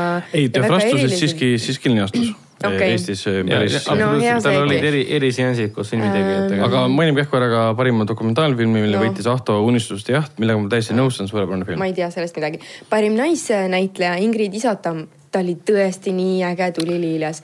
mulle täiega meeldis ja tema see vibe koos äh, Johan Urbiga, see oli väga äge. nagu Eestis võiks olla rohkem seda, et paneks nagu seksikad mehed ekraanile, et äh, mitte see, et nagu kõht on põlvini ja pealegi paljas on ju, noh, see on kindlasti kellegi maitse Wow, aga Helen. kui nagu olla tüüpiline ja natukene või laia massi tüüpiline Eesti naine ei kõht- kõhtu põlvini. siis nagu võiks olla midagi rohkem sellist nagu Johan Urb. nii et siis nagu... sinul on Või... rohkem äh, parima meesnäitleja. ja ma just tahtsin selleni võitja Reimo, Reimo Sagor või siis palun rohkem Reimo Sagorit et ähm, Võta või jäta oli siis äh, parim meesosa näitleja. ma arvan, et ta saab nüüd see aasta, selle aasta eest saab ka kindlasti Skandinaavia, Skandinaavia vaikuse eest siis oma kas ta just võidab jälle. issakene, see oleks nii äge, kui ta saaks teist aastat järjest. ehk siis me võime praegu ära ennustada, et järgmisel aastal siis kantakse välja selle aasta auhinnad. no parim filmi lavastaja Tõde, õigus ja Tanel Toom. lavastaja on Tanel Toom ja parim film on Tõde ja õigus ja näitleja on siis kas Priit Loog või Ja, ja, ja, see äh, Reimo et. Priidu. Priidu poiss ütleb ära, et ja see seda on küll. ikkagi sajandi film, et parim stsenarist Raimo Jõerand, Kiur Aarma, Ari Matikainen. olete teie Rodeot näinud ma just? tahtsin küsida, et sina vist nägid seda, minul jäi nähtud. see kuskile. see jooksis, jooksis päris Ja, normaalse pikkusega jooksis, jooksis ja mina ei jõudnud selleni. minul on nähtud, olin, jäin väga rahule väga, väga raskest ajast, väga keerulisest ajast on väga-väga mm -hmm. meeleolukas ja meelelahutuslik äh, dokumentaalfilm loodud. kui mul võrrelda mingi filmiga, siis, siis ma ei tea, mingi Big Shortilik niisugune tunnetus on seal, et kuidagi hästi tempokas ja meelelahutuslik ja sinna viiakse, sind viiakse sinna ajastusse ja antakse info hästi kiiresti mm. kätte söödaval aga moel. mida ütleb see, kui parima stsenaristi auhinna saab ähm, dokumentaalfilm, mitte mängufilm? tead, aga miks mitte, Eesti ei peagi Oscarid olema. miks mitte, aga kas see nagu kuidagi ei ole nagu siukene nagu vale või niimoodi, sest dokfilmi hinnatakse natukene teistsuguste kriteeriumite järgi. samas kui, aga samas kui USA-s äh, akadeemia paneb võõrkeelseid filme juba mitmendat aastat äh, igale poole mujale ka kui ainult parima võõrkeelse Oscari nominaat. kaasa arvatud siis äh, parim meik ja pannakse siis parima filmi os- hulka juba mitmendat aastat järjest, et siis mina ütlen, et kui meile selline kaos meeldib, siis mina olen rahul see on niisugune nagu kuidagi lihtsalt mind isiklikult puudutab loomulikult stsenaristi staatus. ja siis ma nagu mõtlengi seda, et, et kas ei peaks nagu okei okay, noh, ma ei tea, võib-olla tõesti ei olnudki valida nagu või noh, oli ju tegelikult valida midagi, aga lihtsalt kuidagi nagu ei tundu väga korrektne, et dokumentaal ja tegelikult kõik peaksid teadma seda, et dokumentaalfilmi tehakse ka stsenaariumi Ja alusel.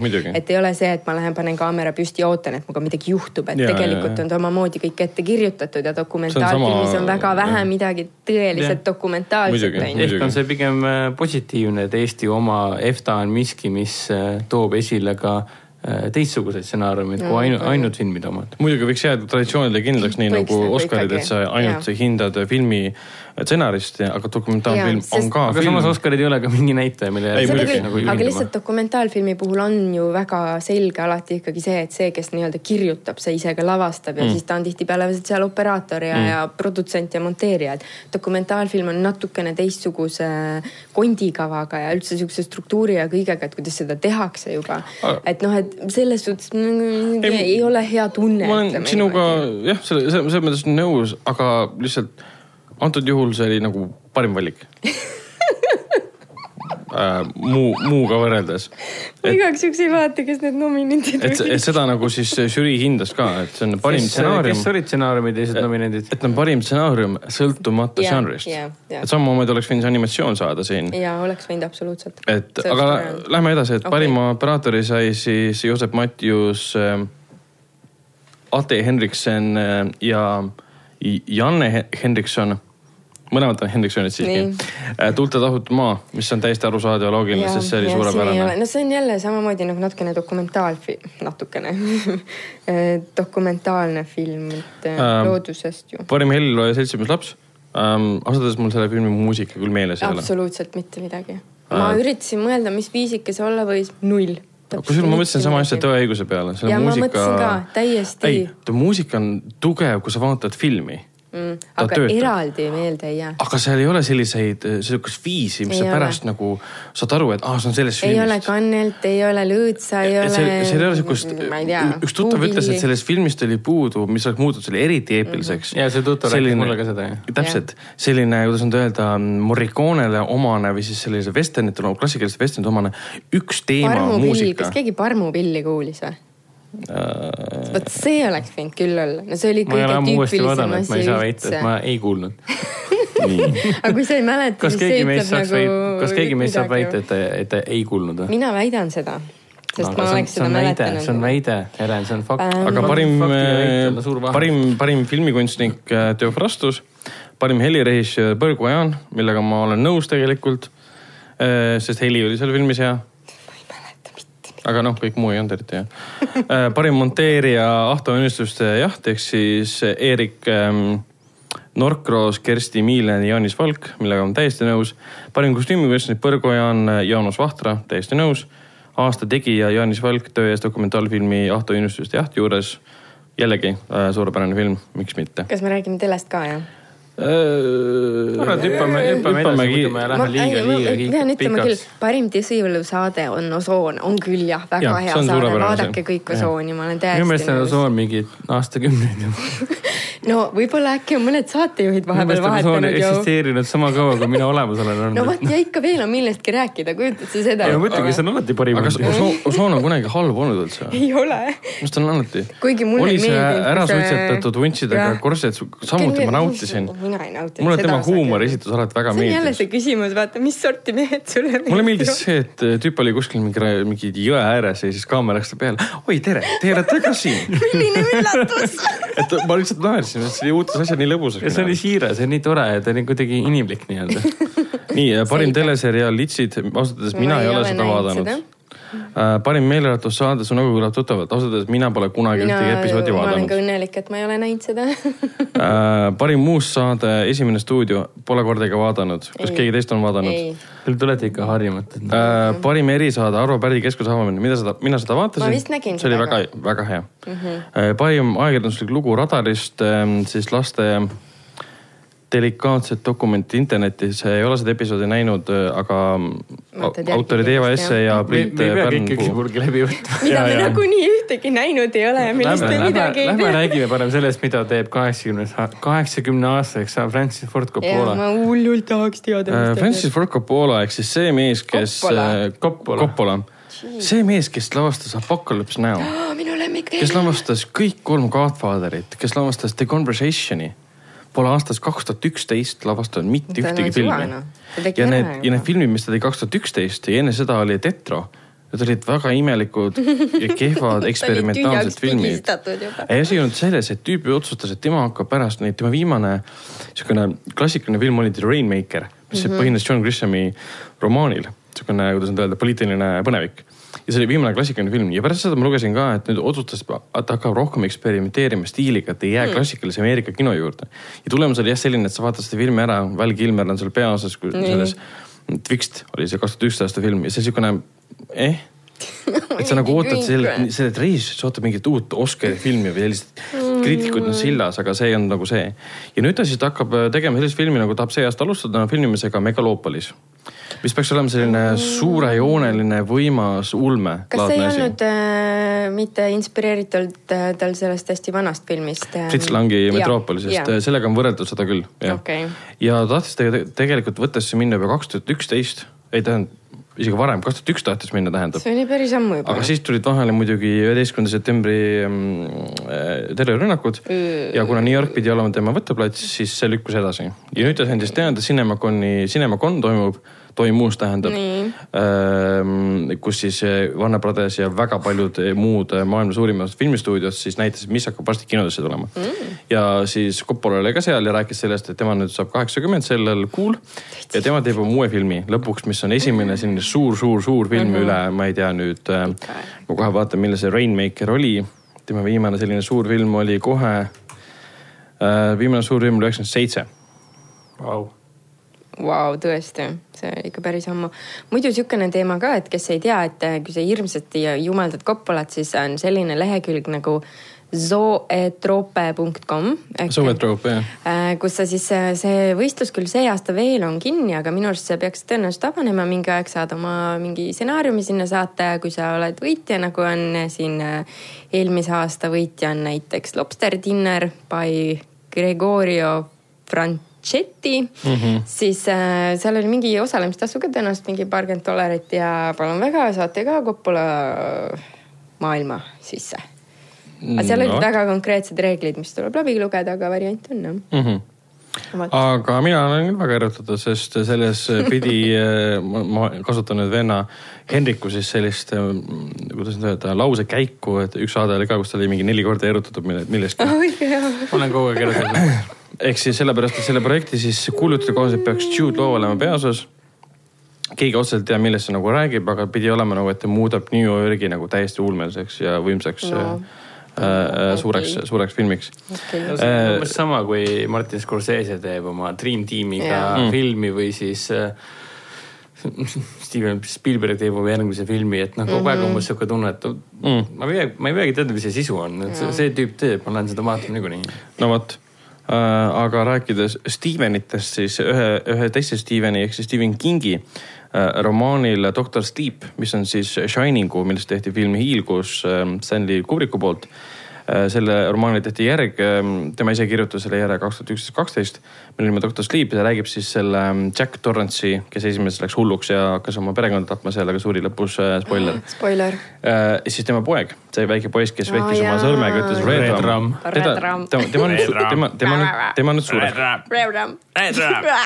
kuulge, ei saa kiilus kinni. tema, tema nüüd, tema nüüd, Sorry, tema, tema on nüüd suureks kasvanud ja ta mängib Evan McGregor. ja nüüd äh, tuleb lapsepõlvetrauma tuleb kõik. põhimõtteliselt küll, see lugu on, ongi sellest, et kuidas see kogetu õudus tuleb tagasi. oh ja selles CinemaConil näidati siis esimesi klippe sellest, inimesed kirjeldasid muidugi kohe. Twitteris. Seda näha? klippides oli siis see, kuidas Evan McGregor sõitis autosse ja siis nägi taha vaatepeeglis või kuskil oli kirjas Red Rum.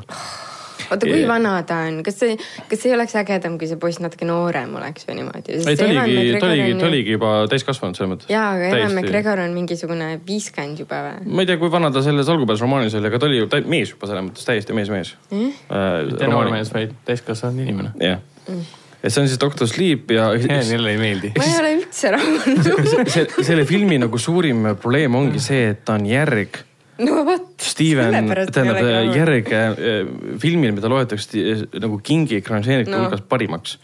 ja pluss ta nagu loetakse parimaks Kubriku filmiks aa, ka no selles mõttes jaa, Et noh nagu-. Kuidas- eks Stephen King jälestab seda filmi.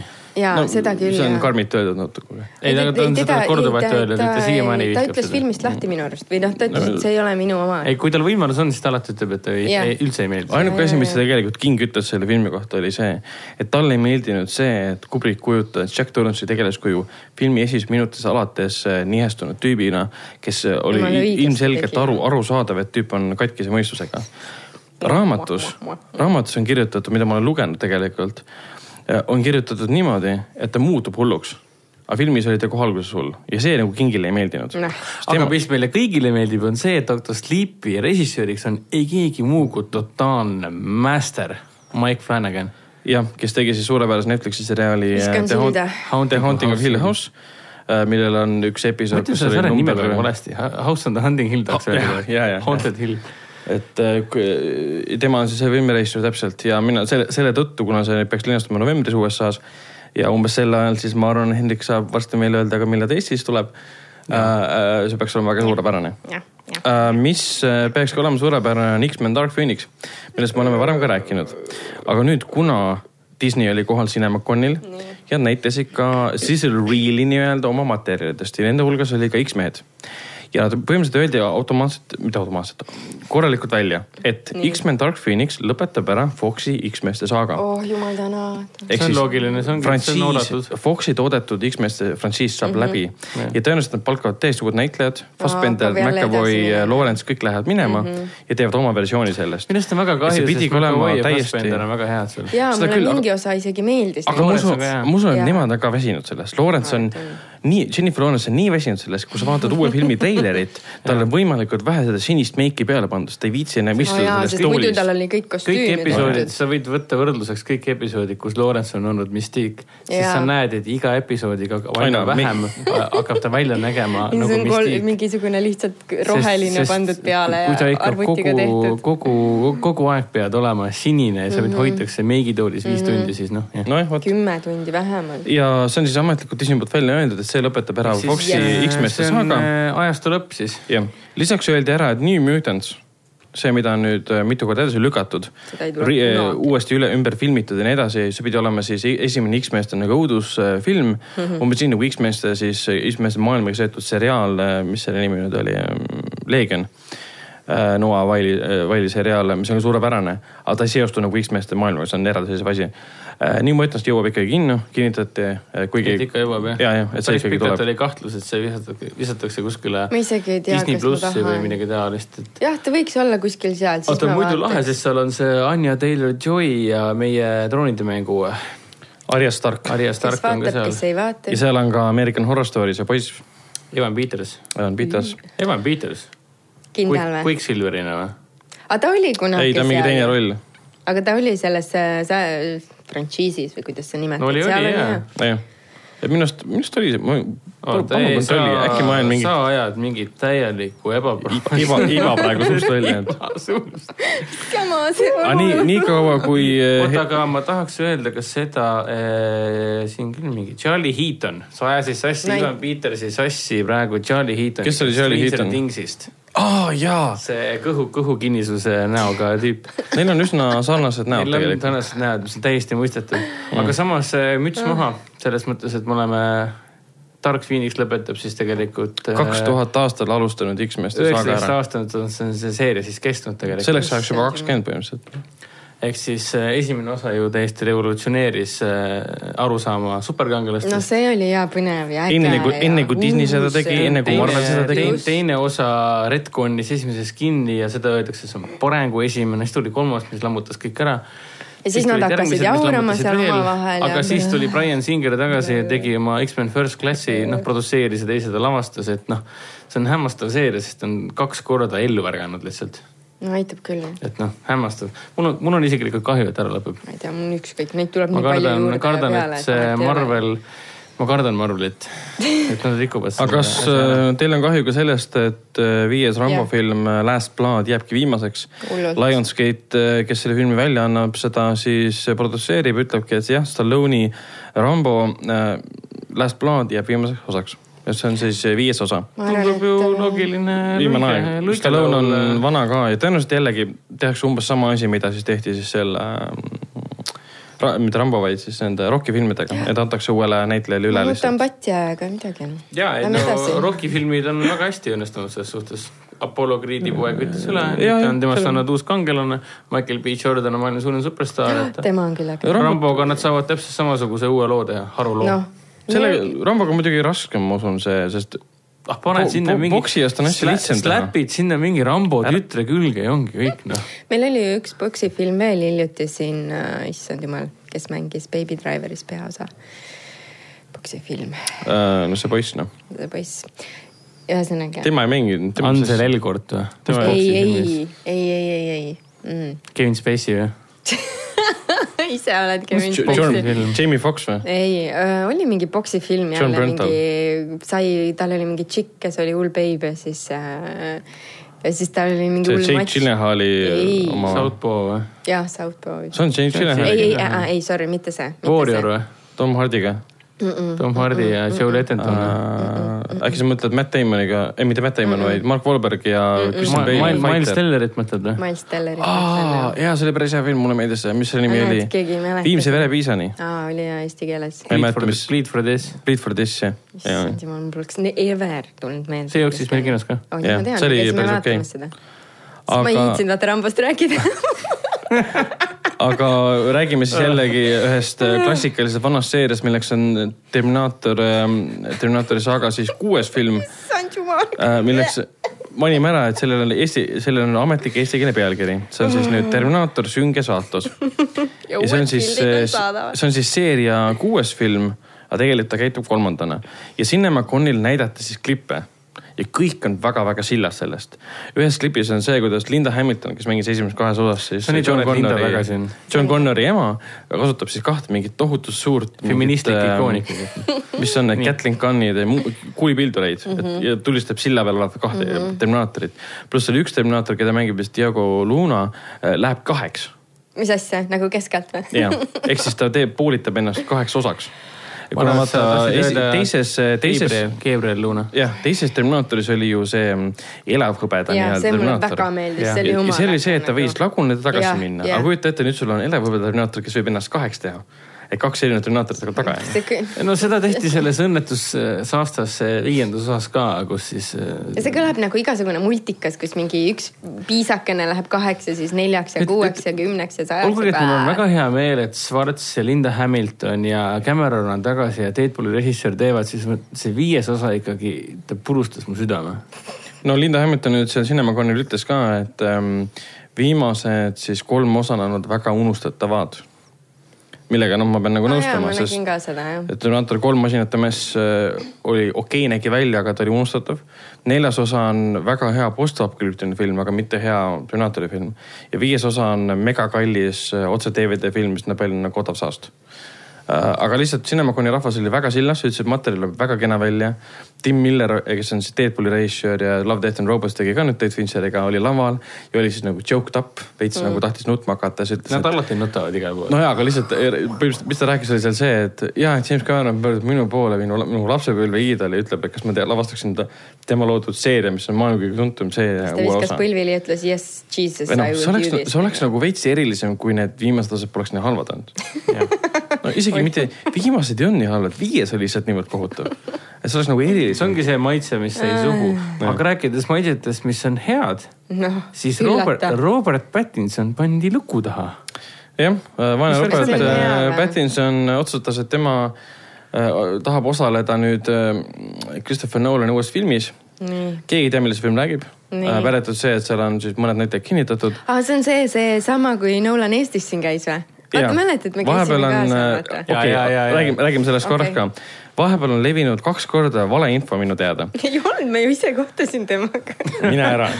ma ei räägi teile ka kõike alati. üks liikus nüüd märtsi alguses, veebruari lõpus Jah. kus üks tuttav rääkis, et temale helistati, et anna mulle kontakt Christopher Nolan, ta pidi olema Hiltoni hotellis. ja mu tuttav teadis väga sihikindlalt, et absoluutselt teda ei ole Eestis.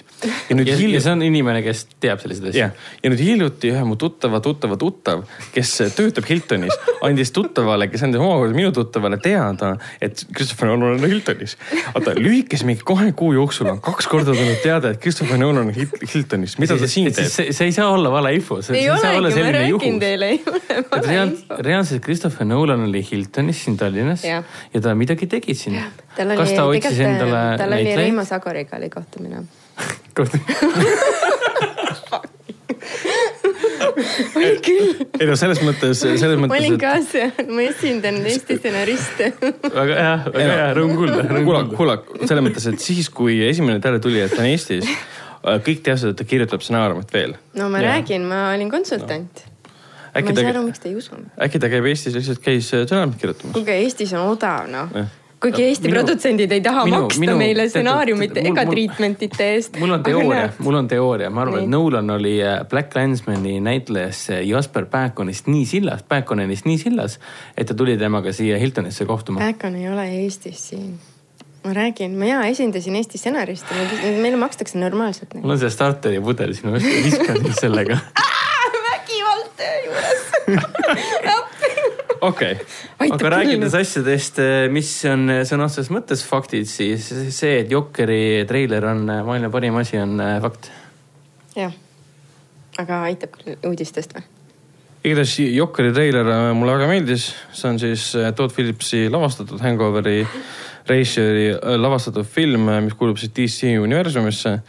ja peaosas on Joaquin Phoenix, Mark Hamill, kes on siis animatsioonides ja mängudes andnud Jokkerile hääle siis hiljuti. Hamill, vabandust, andis siis oma, ma ütlen Hamill sellepärast, et on kaks L-i. andis oma siis õnnistuse ka ja treiler nägi minu arust väga äge välja, väga huvitav koloriit, visuaalne Väga- stiil jah. sellist Nolani enda tõ- tõsisemat, süngemat Batman'i meenutav. ma olen tuttavalt sain kommentaare, et see film on- võiks olla ikka lõbusam umbes niimoodi, aga Jokker iseenesest on selline väga polaarne tegelaskuju, et ta on lõbus, aga tema lõbusega, See on lõbusa ikkagi olekuga. traagiline ju täpselt see. sellega kaasneb ju õudus ja surm ja kõik siuksed asjad. psühholoogiline horror pigem lausa, et noh. psühholoogiline oli ka Afterlife, mida mina soovitasin ühel hetkel siin, ma ei tea, kas sina vaatasid ka ja mina vaatasin, soovitasin ka. et äh, nüüd nad on suutnud teise hooaja välja ajada Netflixis, ma ei tea, millal see küll täpsemalt tuleb, ei ole veel aga, kinnitatud, aga noh, aga teine hooaeg igastahes tuleb. Netflix oli temaga rahul. Lisaks me teame, et see Lucifer, mida me siin Heleniga sügavalt armastame. Väga saab neljanda hooaja, see tuleb ka Netflixi. ja väga kena ja seksikas äh, diiser on see, see ei ole treiler, diiser on Tom, internetis Tom. Tom Ellis paljastab oma keha, aga siin, mitte. siin salvestusruumis läheb kuumaks, ma pean vist välja minema. ehk siis nad vaikselt ühtegi ametlikku mingit treilerit pole midagi välja tulnud. Mhm. aga tuleb Netflixis. aga nad lubavad, et see uus hooaeg tuleb siis süngem ja seksikam mm.. ja seda uut äh, õrritajat, kus siis äh, näitlejad, üks näitleja mängib Eevi ehk siis Eevat. Eva ja ja siis on ja siis äh, kaks peategelast ähm, Chloe ja siis Chloe äh, ja Lucifer. Lucifer ise tutvustavad põhimõtteliselt, et mainivad, et uus hooaeg on tulemas ja see on, ärge ära, unu- ära unustage. ja kolmekesi läheb ikkagi asjad aga käest, ära, aga mis on veel sünge ja seksikas, on extremely wicked, shockingly evil and wild. no mis see küll olla täpselt, see on siis äh, see Zac Efroni film, mis on, kriitikud äh, kiidavad eriti just tema rolli sooritust, see on see film, kus ta mängib sarimõrva Ted Bundit. Ja mis vahepeal vaata tekitas Jaa, ju selle jaa. jama, et äh, kus inimesed hakkasid nagu, kuidas nüüd öelda, ilastama. ilastama Ted Bundi üle Jaa. Zac Efroni rollis mm. -hmm, ja siis Nad vahepeal. glorifitseerisid seda julmust ja mõrvari, et. ja vahepeal pidid siis inimestele nagu meelde tuletama, et et oh, ta on ikka nagu sarimõrvar halb..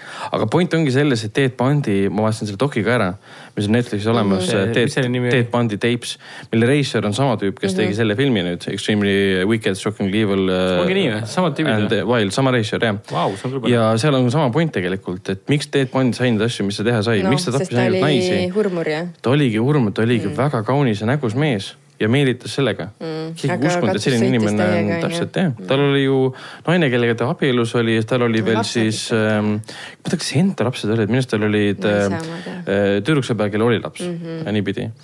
ja Eestis, Eestisse see film jõuab juba, juba kolmandal mail tegelikult. Mm. ja see on umbes samal ajal, kui tuli üks mingi suur jõrakas film veel. Hendrik peaks seda peast teadma mis seda tähendab praegu? kolmandal mail tuli Extremely Wicked'iga samal ajal üks teine film, mis on hästi suur minu arust. kolmandal mail ei tule midagi nii suurt no,. äkki minu vaimusilmas suur ja... kõik filmid on mingis mõttes suured. niikaua kui Hendrik äh, kontrollib, siis äh, Aga me saame. ei, see, ei, ei siin. mis tuleb kolmandal mail? animatsioon Suur seiklus. no näed, suur uh,. Keira Knightley ajalooline draama The Aftermath, Extremely Wicked uh,. Charlize Theron'i ja Seth Rogeni uh, Long Shot ehk siis Vaat kus paar ja, ja maikuu kinoklassika on kaks tuhat üks Kosmose Odüsseia, et ma ei tea okay,. mul on varasti, varasti meeles midagi. aga mis ähm, loodame, et valesti ei lähe, on siis Kurja kutsumine kolm. sest Cinema Coni ajal selgus, et. kas ma julgen seda näha? See on õud, õudne kindlasti aga ta võib olla õudne teisel põhjusel. ma mõtlesingi seda nagu. me teame kindlalt, et see film tuleb siis järgmise aasta septembris. aga lisaks selgus, et seda filmi eelavastajal on James Wan, kes tegi esimesed kaks mis väga on, heaks. räme pettumus. seda lavastab äh, Michael Chavez, kes toob meile sellesama filmi The Curse of La Llorona. see on siis, mis ta eesti keeles nüüd oligi? La Llorona needus. mis tundub teile järgi sama halb kui Nunn mm, -hmm. ehk siis meile Nunn üldse ei meeldinud. ja seesama režissöör hakkab siis kolmandat osa tegema mm. No. me teame, et siis Patrick Wilson ja Vera Farmiga naasevad mm. -hmm ja James Bond produtseerib mm. -hmm. aga tundub, et James Bondil on praegu siis äh, kiire võib-olla siis Aquaman kahe lavastamisega. pluss Aquamanis selgus, et see Trench osa, kus nad vee alla läksid ja need mm -hmm. kuletsid tuli kallale, sellest tehakse spin-off film ehk siis võib-olla ta on sellega seotud, ta on lihtsalt hõivatud mm -hmm.. ehk siis vaikselt annab James Bond üle need asjad, millega ta alustas. saag on ammu üle antud. mul on vaikselt hirm, et see Warner Brothers nagu toetus väga palju James Mannile, see on see James Manni kurjakutsunud universum. päris kindlasti. aga nüüd, kui nad lähevad, kui James Mann läheb nagu teiste projektide peale, siis tulemus on see, et sul on Annabel Comes Home. ja Annabel no, Comes okay. Home tegelikult mulle meenutab räigelt mida?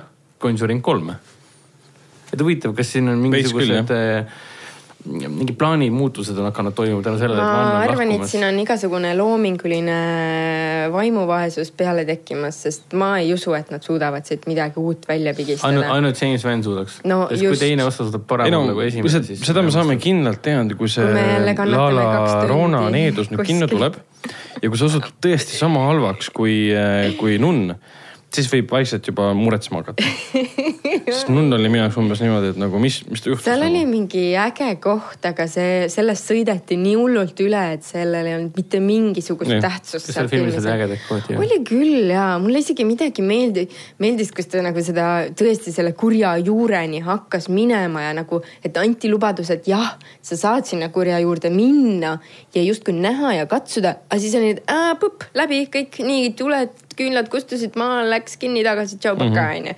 et nüüd see ei ole üldse, see. üldsegi selles universumis on mingid segadused, sellepärast et mis, mis mõttes sa paned selle nunna peategelaseks Taissa Farmiga ja sa ei tee teda Veera, Veera Farmiga äh, kehastatud äh, tegelase. nagu nooremaks variandiks. nooremaks variandiks või mingi sugulaseks, midagi taolist mm.. miks sa paned sama perekonnanimed äh, otsesed veresugulased siis samasse universumisse? sest see ongi see vaimuvaesus noh võimalik, et mingil hetkel oli see idee, et Nunn on nagu mm -hmm. sõna otseses mõttes prequel, mida ta ongi. võib öelda, et mida rohkem nagu James Wan režissöörina nagu eemaldub projektist, seda rohkem Warner Brothers lihtsalt vaatab, et. seda parem. lüpsame, lüpsame, lüpsame.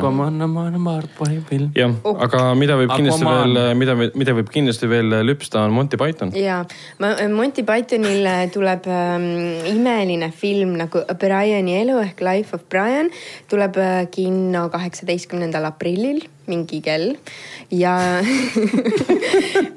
ja siis, kes ei tea, mis Monty Python on, siis Netflixis on olemas Monty Pythoni Holy Grail näiteks.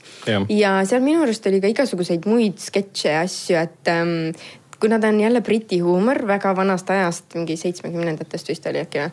et eh, siis ta võib mõjuda hästi siukse imelikuna ja võib-olla kõigile see huumor päris kohe Ah, kohale ei ei jõua ja Ta on no nii- nii- nii lege, hea huumor ikka. isegi väike kümneaastane midagi see on ikka nii hea huumor, kas see me on., kas see on tõlkega või? Monty Python tuleb tõlkega või? Ingliskeelsete subtiitritega okei. Eestikeelse pealugemise keelega ja. mis mõttes? Pea- dublaažiga või?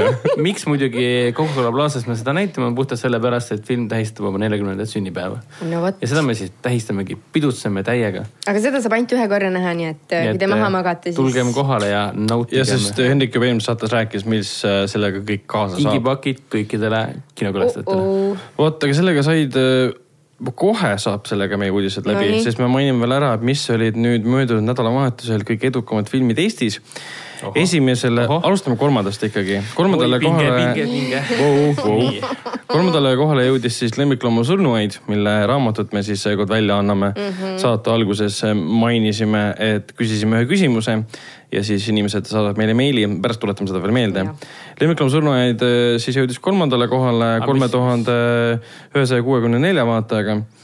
Ja siis teisele kohale jõudis Tõde ja õigus. see on, kus. Tõde ja õigus on kinodes olnud seitse nädalat. tal on peaaegu kakssada viiskümmend tuhat vaatajat ja ta käes on kogu aeg top kolmes olnud. ja ta on seitsme nädala jooksul kaks korda langenud esikohalt. ükskord juhtus see esimesel nädalal, kui linastus äh, Kuidas salsada lohed kolm. ja no see ja nüüd, nüüd, nüüd juhtus see siis, kui linastub äh, Shazam mm. -hmm. mis jõudis esimesele kohale. see oli lastekas jah? nagu pigem ei, ei, ei, ei olegi lastele või? ei. Miks sa seda arvad? ma mõtlesin, et sobiks. aa, ei, selles ei, ta mõttes. sobibki, aga ta on väga noortepärane liiklus jah. jah, jah, aga ei, ta on samamoodi lastekas kui mingi esimene Ironman. jah, umbes, umbes samamoodi. ja ma ei tea, mis nüüd, kas see nädal tuleb ka midagi, mis võib äh, nüüd Tõde ja õigust, Tõde ja õigust jah, jälle siis nagu troonilt lükata sa ikka väga tahad, et miskit tooniks. ja ma arvan, et see juhtub, juhtub jälle uuesti jah. et see nädal äh, Hellboy võib-olla. Vau, kas sa ei tea, mis film siis see nädal alustab? no ma arvan, et sa ütled see. nädal alustab ju Ott Tänak The! Movie. aa, õigus ja unustage ära see film on nii nõutud, et on kõik seansid on lihtsalt välja müüdud. Oota, kas sa praegu ütled mulle- lauldakse ja tantsitakse, et millal tuleb seansse juurde. Ott, Ott, Aga kas sa praegu- Ott on maailma kuningas. kas sa praegu ütled, et Ott Tänak The Movie ähm, kas te teete movie? teenib, teenib rohkem vaatajaid, kutsub rohkem vaatajaid kui Tõde ja õigus või? jah, mul pole õrna aimugi, mida tulevik sellise filmiga toob. ehk siis võib ma praegu võib praegu arvata aga mina, miks ma ütlen, miks ma ütlen, et mul pole õnne aimugi, sellepärast et see kohatu on võrrelda ü- ühtegi teist filmi Tõde ja õigusega, sest see on Tõde ja õigus. no aga see Ott Tänak on meie tänane see Eesti mees, kes sõna otseses mõttes künnab maad oma tööks Jep, ja on täpselt. suurepärane Tema- selles, tema- temast tema- paremat tema meil ei ole on. see kraam, mida ta oma äh, Jah. kummidega äh, liiva ja peale tema ei. masetse, vaid ikkagi ühel hetkel tegeleb Ja oma lastega, ja tema dopingut ei kasuta, ja isegi kui ta, isegi, isegi kui ta veredopingut teeb, siis äh, WRC seerias või sarjas ei ole nagu keelatud. Oh, kust murd, murdmaasuusatamist, ma saan aru, et murdmaasuusatamist enam eestlased ei vaata, nüüd vaadatakse ainult ei, rallit. ei, ei, mul ema endiselt vaatab muidugi, mina. ema, ema vaatab. ta on see viimane ja täpselt viimane kaasaelaja. minge poisid, minge. ehk siis Ott, äh, Ott Tänak kui, vahetab käiku samal ajal nagu jef, jee. kui nädalavahetuse top kolmele siis äh, uuesti meeldetuletus teha, siis Shazam on esimene tõdeõigus, teine Lemmiklooma surnuaid. Kolmas äh, ehk siis kaks filmi on täiesti uued tõdeõigus on seitse nädalat juba olnud. aga see, ma kommenteeriks seda topi seda sellega, et äh, esimene on puhas võimas meelelahutus, teine on tõeline draama ja kolmas on äh, laia, laia massi jõudukas, nii et äh, see kolmik iseloomustab eestlase loomust väga hästi. jah, siit ongi hea edasi minna mm, filmide juurde, mida me oleme nüüd vahepeal äh, kinos vaadanud. üheks neist on näiteks Shazam ja teiseks on Pet Sematary.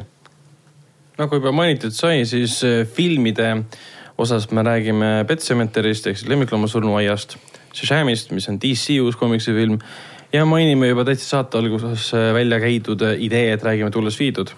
ehk siis nagu meie tuttav mainis, Peerust lännu, sest tuul on nagu, tuul on nagu peer ja viidud on nagu lännu.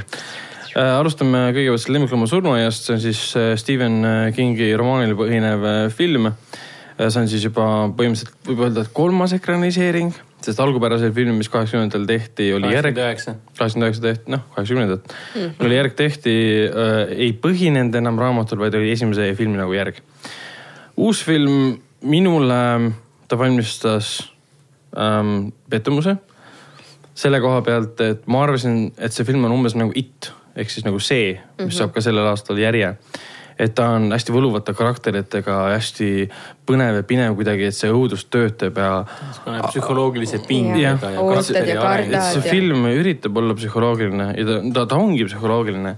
aga ta on umbes sellel tasandil psühholoogiline, et ta on hästi tuntud võtteid ja, ja klišeesid kasutav ja ta ei tee mitte midagi uut. see on Ta kõige oli-, kõige hämmastavam osa selle filmi juures on see, et Jaa. ta ei tee mitte midagi uut. ta algas nagu mingi draamafilm perest, kes äh, läheb, kolib ära linnast maale ja siis äh, nii palju kordi, kui me oleme seda nagu juba rääkinud, et kui sa kolid uude kohta, siis ja sa ei tee uuringut enne, kuhu sa kolid mm. ja kui sa avastad sealt surnuaia või augu või mingi metsa, kus kõik ära no kaovad ma, ma, maakler ei maininud. jah, et ja siis sa üllatud, kui midagi läheb väga metsa omadega, onju.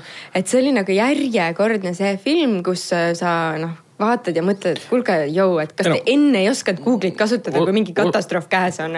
seda ei saa nagu kritiseerida, sest see on algupärases romaanis olemas ja romaan on väga nagu, hea. ja, aga kui ma räägin filmist, ja selles mõttes küll. minu arust see film nagu kukub läbi sellega, et ta ei suuda kingi teksti, mis töötab suurepäraselt, kõik need klišee, mis praegu mainisid, töötavad seal väga hästi. ta ei suuda neid asju tööle panna. no vot, siin on mingi režissööri või no stsenaristi viga siin mõjuvad need kingi enda asjad mõjuvad klišeeliste ja igavatena jaa, vastik oli jah. et see, okei okay,, see Jason Clark on, oli Jason jah Jah. Jason Clark on hea näitleja, ta töötab. John Lithgow, kes on tegelikult enamjaolt lemmik., enamjaolt No suur päikesest jaa, ta on suurepärane roll aga tema roll seisneb selles, et ta igas võimalikus kaadris vaatab Jason Clarkile otsa ja ütleb, et jaa, siin on mingi kurjus ta on see kuskil. ekspositsiooni ekspositsiooni. isegi mitte. ekspositsioon, ta kogu aeg viitab sellele, iga tema lause seisneb selles, et jaa, siin on kuskil kurjus ja mm -hmm, tunnetab kuskil mm -hmm. kurjust ja see on nii kuidagi arusaamatult tehtud. et, et ka raamatus oli olemas see, et õudus algas peale enne, kui kass sureb ja kass maetakse maha ja kass tuleb tagasi. aga siin see mõjus väga suht-. isegi filmi see visuaalne stiil on kuidagi nii, kuidas nüüd öelda äh, nagu numbri põhi, by the number selle koha pealt. kassi kiusamine oli algus lihtsalt. jah, et muudame visuaalse stiili veits nagu tumedaks, süngeks ah jaa, alguses ja... oligi see, et jube päikesepaiste ja siis mm -hmm. järsku läks oo tumedad metsad ja kõik läks Ja nagu pruuniks onju. ideeliselt see asi, et sa matad oma lapse maha sellepärast äh, sinna mm, lemmiklooma surnuaed ehk siis indiaani ähm, var,, mitte varjupaika, siis matmispaika mm. Mhm. ja kus ilmselgelt oli soo ja kõik sookollid ja, ja ma ei tea, mis asjad onju. sa tahad, et su laps tuleks tagasi, sest ta võeti sinult nii vara ära, see on traagiline, see on võimas element, mis raamatus töötas. Aga siin see oli umbes see, et ma ootasin, millal ta lõpuks sinna jõuab, et vaadata, et laps hakkab aga tapma. võtame lühidalt meie kuulajate jaoks kokku ka. Et milles see film üldse on, sest kindlasti on palju inimesi, kes on umbes nii, et lemmiklooma surnuaid, et miks ta valesti kirjutatud on ja rohkem ei teagi no me juba rääkisime sellest, et milles see film on. kuulasid ka, mis me rääkisime? perekond kolib äh, maale ära, sellepärast et. isa ei teinud Google search'i nagu enne. isa on äh, traumakirurg, kes on suurlinnas traumas töötamises väsinud ja siis ta põhimõtteliselt otsustab, et ma lähen väikelinna, see on palju parem. Aga aga selle maja ümbruses, enne kui nad isegi selle lemmiklooma surnuaia avastavad, hakkavad mingid kahtlased asjad juhtuma. ehk tegelikult rohkem siis peategelase isaga hakkab juhtuma. lisaks sellele, et nende kodumaja, uus kodumaja asetseb otse maantee kõrval, kus sõidavad tohutu suured veokad. jah, mis algupärases filmis, see kaheksakümne üheksa aasta oma, oli väga tugev ja korduv element. ja mis ka raama, raamatus on väga oluline jah, element. siin on see, siin on see paar korda ainult. Ja siis nad põhimõtteliselt kolivad sinna ära ja ühel hetkel saab siis väikse tütre, neil on siis kaks, kaks last. tütre siis Cass Church, kirik, saab surma. tõenäoliselt, tõenäoliselt sellesama. Churchill, Churchill. jah, jah täpselt. aga noh, kirik. ehk siis äh, laps, see, laps, koer saab, kass, kes siis, siis surma sai. mis asja, mis toimus? kass saab surma ja siis, siis John Lithgow tegelaskuju, kes on siis naaber, pakub välja, et kuule, selle asemel, et sa peaksid kurvastama oma tütart, ma näitan sulle kohta, kuhu sa võid midagi maha matta, midagi elusat ja ta tuleb tagasi. see oli ka nii awkward või siukene imelik koht, et ta nagu üritas jube siukene salapärane olla, et kuule tead, et jube armas kass oli, onju. jah, kas oli ikka hea kass, oi, teil on nii nunnu tütar, kass oli ka nii nunnu. See oli ka nii kiirustatud.. vaata, vaata, siin on üks koht, vaata siin see kivi all ja siis ja vaata, näed, lähme siit ja ma tean täpselt, kus astuda, sest ma olen siin mingi eluaeg elanud, onju. ja siis kõik siuksed asjad olid ja siis oli tõesti niimoodi, et jõu nagu. ja siis nagu Litko on väga äge näitleja. Ta on väga hea karakter seda rolli välja mängida, aga veider oli see, et, et raamatus tegelikult teaduspärast on äh, peategelasel ehk siis sellel isal ja Litko tegelasel isegi niisugune isa-pojalik suhe reaalselt mm.. Ja siin seda ei olnud. no nad üritasid seda forsseerida seal lõpupoole, aga noh, see ei toiminud. tegelikkuses äh, nende kahevaheline suhe seisnes selles, et äh, meil on vaja Litko tegelast, et ta tuleks ja teeks Jah. midagi ja näiteks meile, kus midagi teha saab. näitab, kus on lemmiklooma ehk surnuaiad siis. nagu numbers Mainiks, õudusfilm, mis, mis mul, mul oli, mul oli sama tegelikult, ma olin, mind valdas nagu tohutu pettumus, sest äh, praeguse seisuga on Rotten Tomatoes näitab kusjuures kuuskümmend juba. Eelmine nädal oli seitsekümmend, üle-eelmine nädal oli kaheksakümmend. kohe, kui film sai äh, wide release'i üle kogu maailma, siis hakkas skoorid langema ja hetkeseisuga on äh, Rotteni äh, audience score ainult nelikümmend viis. no vot No. see on nii üle promotud, kas siis stuudio või, või marketingi või mille iganes poolt, et oh, meil on nagu nii hea No, no, film onju. seda seda nimetatakse üheks kõige paremaks, erinevad arvustajad ja kriitikud kiidavad mm., USA-s siis eriti, üheks kõige paremaks ähm, Kingi ekraniseeringuks üldse. ja õudusfilmide mõttes siis mm, -hmm. kuigi hiilgus nagu no olles nüüd filmi näinud, siis, siis Ja- üldse ei mõista. Öeldakse, et ta on nagu lihtsalt kohutavalt õudne ka. Ta ei olnud otsast? kõige parem ja ta polnud üldse õudne ka tähendab, tähtis on ka see, et meie kuulajate jaoks, et kallid kuulajad, et film pole üldse halb. ja selles mõttes jah, selles mõttes ta on niisugune keskpärane kuus-kümme õudusfilm. seda, mida ta teeb, ta toimib hästi. kas minna seltskonnaga õudusfilmi vaatama, mis sind ehmataks? jah. ja ta ehmatab küll jah, kohati. parem kui see auk maa sees. Ta on jah. on nagu. võimalikult laiale massile tehtud. võib-olla küll jah, et, et igaüks midagi aga, aga olles nüüd hiljuti Meiet näinud või siis äh, Itti nautinud äh,, rääkinud üldse Stephen Kingi ekraniseeringutest, siis sellest seltskonnast ei paista üldse silma. jah, kasvõi see, kui me räägime nagu kingi mõjutustest, olgugi et see Mike Flanagani seriaal, see Netflixi õudusseriaal põhines küll omaette raamatul. see seriaal oli tehtud õuduspsühholoogia koha pealt suurepäraselt. aga siin ma sain, ta üritas nagu seda traumat ja leina ära kasutada aga see ei toiminud mul ei tööle. olnud nii kurb, mul ei olnud nii õudne et, et see oli jah, kuidagi siukene ta nagu distantseerub sind sellega, et lihtsalt algul, ta iga võimalik tasand on klišee ja sa lihtsalt vaatad seda ja mõtled. ja, ja nagu Hmm. film ei ole tegelikult filmi juba. üldse pikk ka, ta kestab ainult sada üks minutit. See tundus väga pikk, see tundus- kolmveerand, kolmveerand filmist oli lihtsalt see, lihtsalt see, kuidas me jõuame lõpuks Jah. selle hetkeni, mida me kõik teame noh, ma arvan, et enamik teavad eh, nii raamatust kui ka, ka sellest esialgsest filmist. Kuna ütle. see on hästi, ma ei ütle seda välja, aga see on ju kauaaegne, kauaaegne lugu, et enamik kindlasti teavad, mis mm. tegelikult juhtub, mis paneb loo käima. Aga samas, samas samas siin filmis see nagu käima ei hakanud. ja sest mina ootasin ainult seda kohta ja kui see koht tuli lõpuks, siis ma olin et, "Aa, nagu no noh, aasta on kaks tuhat üheksateist, ma arvasin, et nad teevad selle filmi esimese poole kuskil keskel, teevad juba ära mm.. Teevad selle asja hästi suureks nii-öelda, hästi emotsionaalseks, me elame kaasa mm.. mitte roosa manna, vaid reaalselt sa, sa elad kaasa nagu Itiski nendele tegelastele elad kaasa mm. -hmm, ja siis me teeme, lööme, lööme, lööme kirvega noole Jah. selle joone puruks nii-öelda aga selle asemel selgus, et kogu selle filmi värskus seisneb selles, et nad muudavad teatavaid asju, mis olid raamatus, filmis teevad teistmoodi neid. jah, kus, mis puudutab lõppu, lõpust muidugi ma ei räägi, aga kas teie, kas sina, Ragnar, üldse mäletad, mismoodi raamat või esialgne film lõppes? ma ei ole nüüd üle kontrollinud, ma praegu al, al, kaheksakümmend üheksa aasta filmi ma ei mäleta, mis seal juhtus kas mul lõpus. pole, mul pole hetkeseisuga nagu aimugi, kas see lõpp vastab sellele, mis, mis oli ka raamatus? ja ta veits mõjus umbes niimoodi, et okei okay,, me teeme ka teise osa sellele siis. ja, ja, ja täpselt, täpselt nende tõesti ei, seda ma ei läheks kunagi vaatama. jah, et selles mõttes jällegi, ta ei ole kehv film. Ta on lihtsalt ootamatu keskpärane mm -hmm.. võib-olla meie ootused olid liiga suured, kuna varasemad Kingi ekraniseeringud on need siis Netflixis või kinos, on olnud väga head olnud.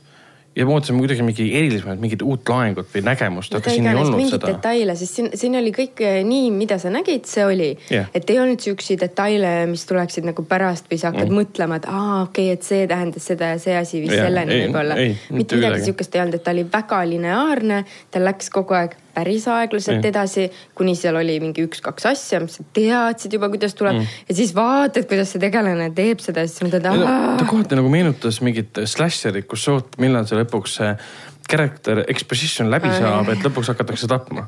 mul oli, mul oli see, et ma ootasin lõpuks, millal keegi tuleb, hakkab neid inimesi tapma. siis ma teadsin, teadsin, et siis nagu läheb asi veits huvitavamaks.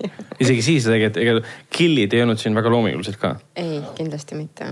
välja arvatud üks Kohati- kannakoht, mis oli üsna rõve. no see kannakoht oli esialgses filmis ka Jah. aga mis, mis puudutas, ütleme nii, et sellel äh, emategelasel on üks teema nii-öelda tema õega ja see mulle isiklikult äh, vanast filmist, esialgsest filmist jäi alati meelde, et nagu ma olin ikkagi väike poiss, kui ma seda esialgset filmi nägin ja see nagu tekitas mulle korralikke luupainajaid, et kui sul on, no ta õde oli raskelt haige Jah. mm, -hmm. siis teatavad, teatavad tagasivaated, minevik oli see, mis mm. mingi mulle ikka väga rängilt mõjusid ja see, mida siin tehti, tegelikult toimis vähemalt minu jaoks, et siis, kui nad ei teinud sulle jumpscare'e, siis selline psühholoogiline terror ühe inimese tegelase peas, ta nagu peaaegu toimis üsna hästi mm, isegi väga hästi. aga selle jama oligi see, et see nagu otseselt jõudnud kuskile või et noh, jah, et siis, kui oli vaja seda sisse Jah. tuua, siis toodi sisse ja, see, ja ta mõjus hästi veidralt, et pingestada mm. Mhm. -hmm. et kui sul mingid, mingid noh, ütleme nii, et lemmiklooma surnuaia tagajärjed hakkavad sind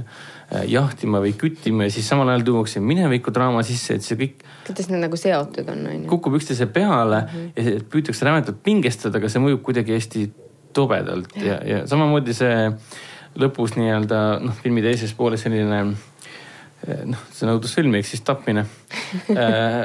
see oli ka kuidagi hästi-hästi kummaline, ta mõjus kuidagi nagu ekspluatatsioon või midagi taolist mm., et kuidagi, kuidagi naljakas muutus, nagu vaataks mingit, nagu vaataks mingit kaheksakümnendate õudusfilmi. ja, ja täpselt siukene Sihuke nagu odav, odav võte nagu jah, et oh joo, nüüd on nii, nii, nii, põpp-põpp, kuigi see juhtus just on kähku ära, hästi, onju. hästi surmtõsise näoga ja, ja kõik jah. on niimoodi, et kui ikkagi läheb halvasti, siis läheb nagu puhas draama püüab mm -hmm. olla ja oligi, see oligi Aga liiga suur kusjuures kaal. seda lõpus olevat hauaplatsi stseeni vaadates mulle meeldis äh, Taylor Swifti üks muusikavideo, kus al- algab ka sellega, et ta on äh, hauaplatsil. Sa tead, et sa oled nüüd ainuke, kes seda meist näinud on. no,. see on ju see Shifty laul, see Look what you made me ja, ja do., okei, ma ma olen ainuke siis., ma olen ka näinud seda. mis teil viga on? Mis metalliga me jäi? Look what you made me do. Et Taylor Swift is the, is the dang. ma ei tea, Ühesõnaga- tänapäeva noored ütlevad the dang. selle filmi nagu tunnuslause on see, et sometimes dead is better ja mõne koha pealt see seostub ka selle filmiga, et mõnikord see mõned lood, mõned asjad tasub rahule jätta. ja, ja ärge jumala eest teist osa veits, tehke. vähemalt minu jaoks oli tõesti tunne, et filmistuudio lihtsalt kustutas ära igasuguse omapära, mis nendel kahel režissööril oli. siis nende Starry Eyes nimeline õudusfilm oli minu arust oli väga hea, väga huvitav, teistsugune teistsuguse lähenemisega. ja tundus, et stuudio lihtsalt nagu surus neile peale, et eh, tehke võimalikult selline, et mis on ära. nagu mitte julge, mitte teistsugune, et see oleks noh, teeniks korralikult. ja, ja siis paneme Stephen King siia Jah. ja midagi veel ja aga jah, selles mõttes, ta, ta töötab õudusfilmina äh, eriti nagu laiade masside jaoks, kes ei ole nagu elupõlised õudusfilmide vaatajad, ta töötab äh, nooremate jaoks, kes tahavad ehmatada mm.. ta töötab inimeste jaoks, kes lihtsalt tahavad näha õudusfilmi ja, ja see pakub neile seda. Aga kui sa oled äh, nagu harjunud mingi kvaliteetsemate nagu õudusfilmidega, siis ta nagu valmistab pettumuse. Mm. aga mis pettumust ei valmistanud vähe minule ja Hendrikule, Helen, sa ei näinud seda, eks, Shazami. ei näinud. vot, meie nägime Shazami ja Shazam pettumust ei valmistanud okei, see kriitika, mis selle kohta on öeldud, et see on suurepärane komiksifilm, vastab täiesti tõele.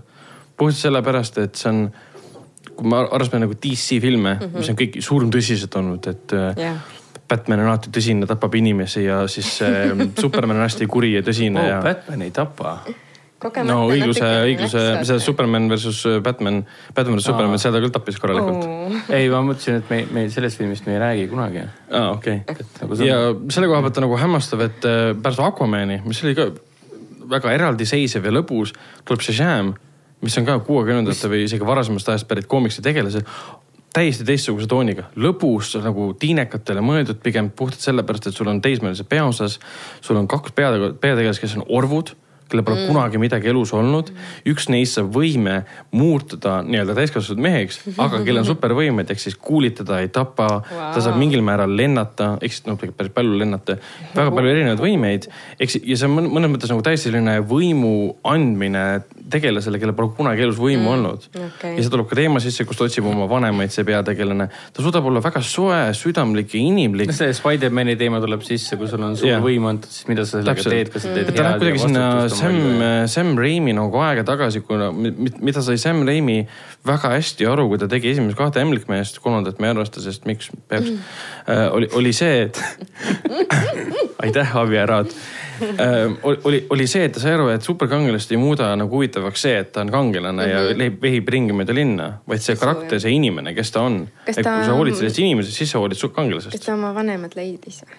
Ma ei taha seda Spoiler. välja ma öelda ei saa, pärast räägime, pärast, pärast saadet räägime. ja ta on nagu andekas puhtalt sellepärast ka, et esimene pool filmi nagu tal on sõber, kes avastab, avastab, et aa, sa oled kangelane või? võtab kohe Youtube'i välja, selle kaamera välja, hakkab salvestama, paneb Youtube'i klipid üles, mis saab väga popiks. mõtleb, palju talle mingi sada miljonit erinevat Jaa. nime ja nii edasi. ja siis löö, lööb teda siis kaamera ees erinevate asjadega okay., satuvad kogemata poeröövi siis sul peale on. kaks, kaks neljateistaastast, kes avastavad, üks neist on superkangelane. Ja internet on olemas ja kõik siuksed ehk siis loomulikult pool filmi on see, et nii, mis me järgmisena proovime. Ja see on selle filmi kõige, kõige lõbusam osa. näiteks poeröövi tseen, kus äh, vaatavad, et varas tuleb sisse, siis superkangelane peidab ennast ära, sest ta on neljateistaastane poiss tegelikult. õige. Ja see- siis tema karguga sõber mingi, mis sa teed, mine, mine sinna ja siis, siis avastavad, et kui see röövel nagu tulistab teda, et ta on kuulikindel Aa, jaa, ja siis üt- ütlevad nendele samadele röövlile, seda me võime spoilida. samadele röövlitele, tulistage mind veel, midagi ei juhtu. mis laseb veel, ahah, siis sõber ütleb, sõber ütleb, et tulistage ta näkku, see mingi okei okay,, tulistage mind näkku. shoot me in the face oli reaalselt Jaa, kinos, kino, kino, kinosaal rõkkas naerust siis lihtsalt. tüübid tulistavad teda näkku, vaatavad, et ta on kuulikindel, viskab nad läbi akna põhimõtteliselt. ja siis nad, kuna nad läksid sinna poodi ainult sellepärast, et kuna üks on nüüd täiskasvanud uh, -huh. läksid siis õlut ostma. Aga kujuta ette, kui sul on neljateistaastane poiss, kes järsku on täiskasvanu moodi, kuidas ta läheb poodi alkoholi ostma ta ikkagi läheb sinna, et give me your finest beer nagu. ja siis nad võtavad õlled ära, proovivad, ütlevad, et oo, see maitseb nagu äh, uriin põhimõtteliselt.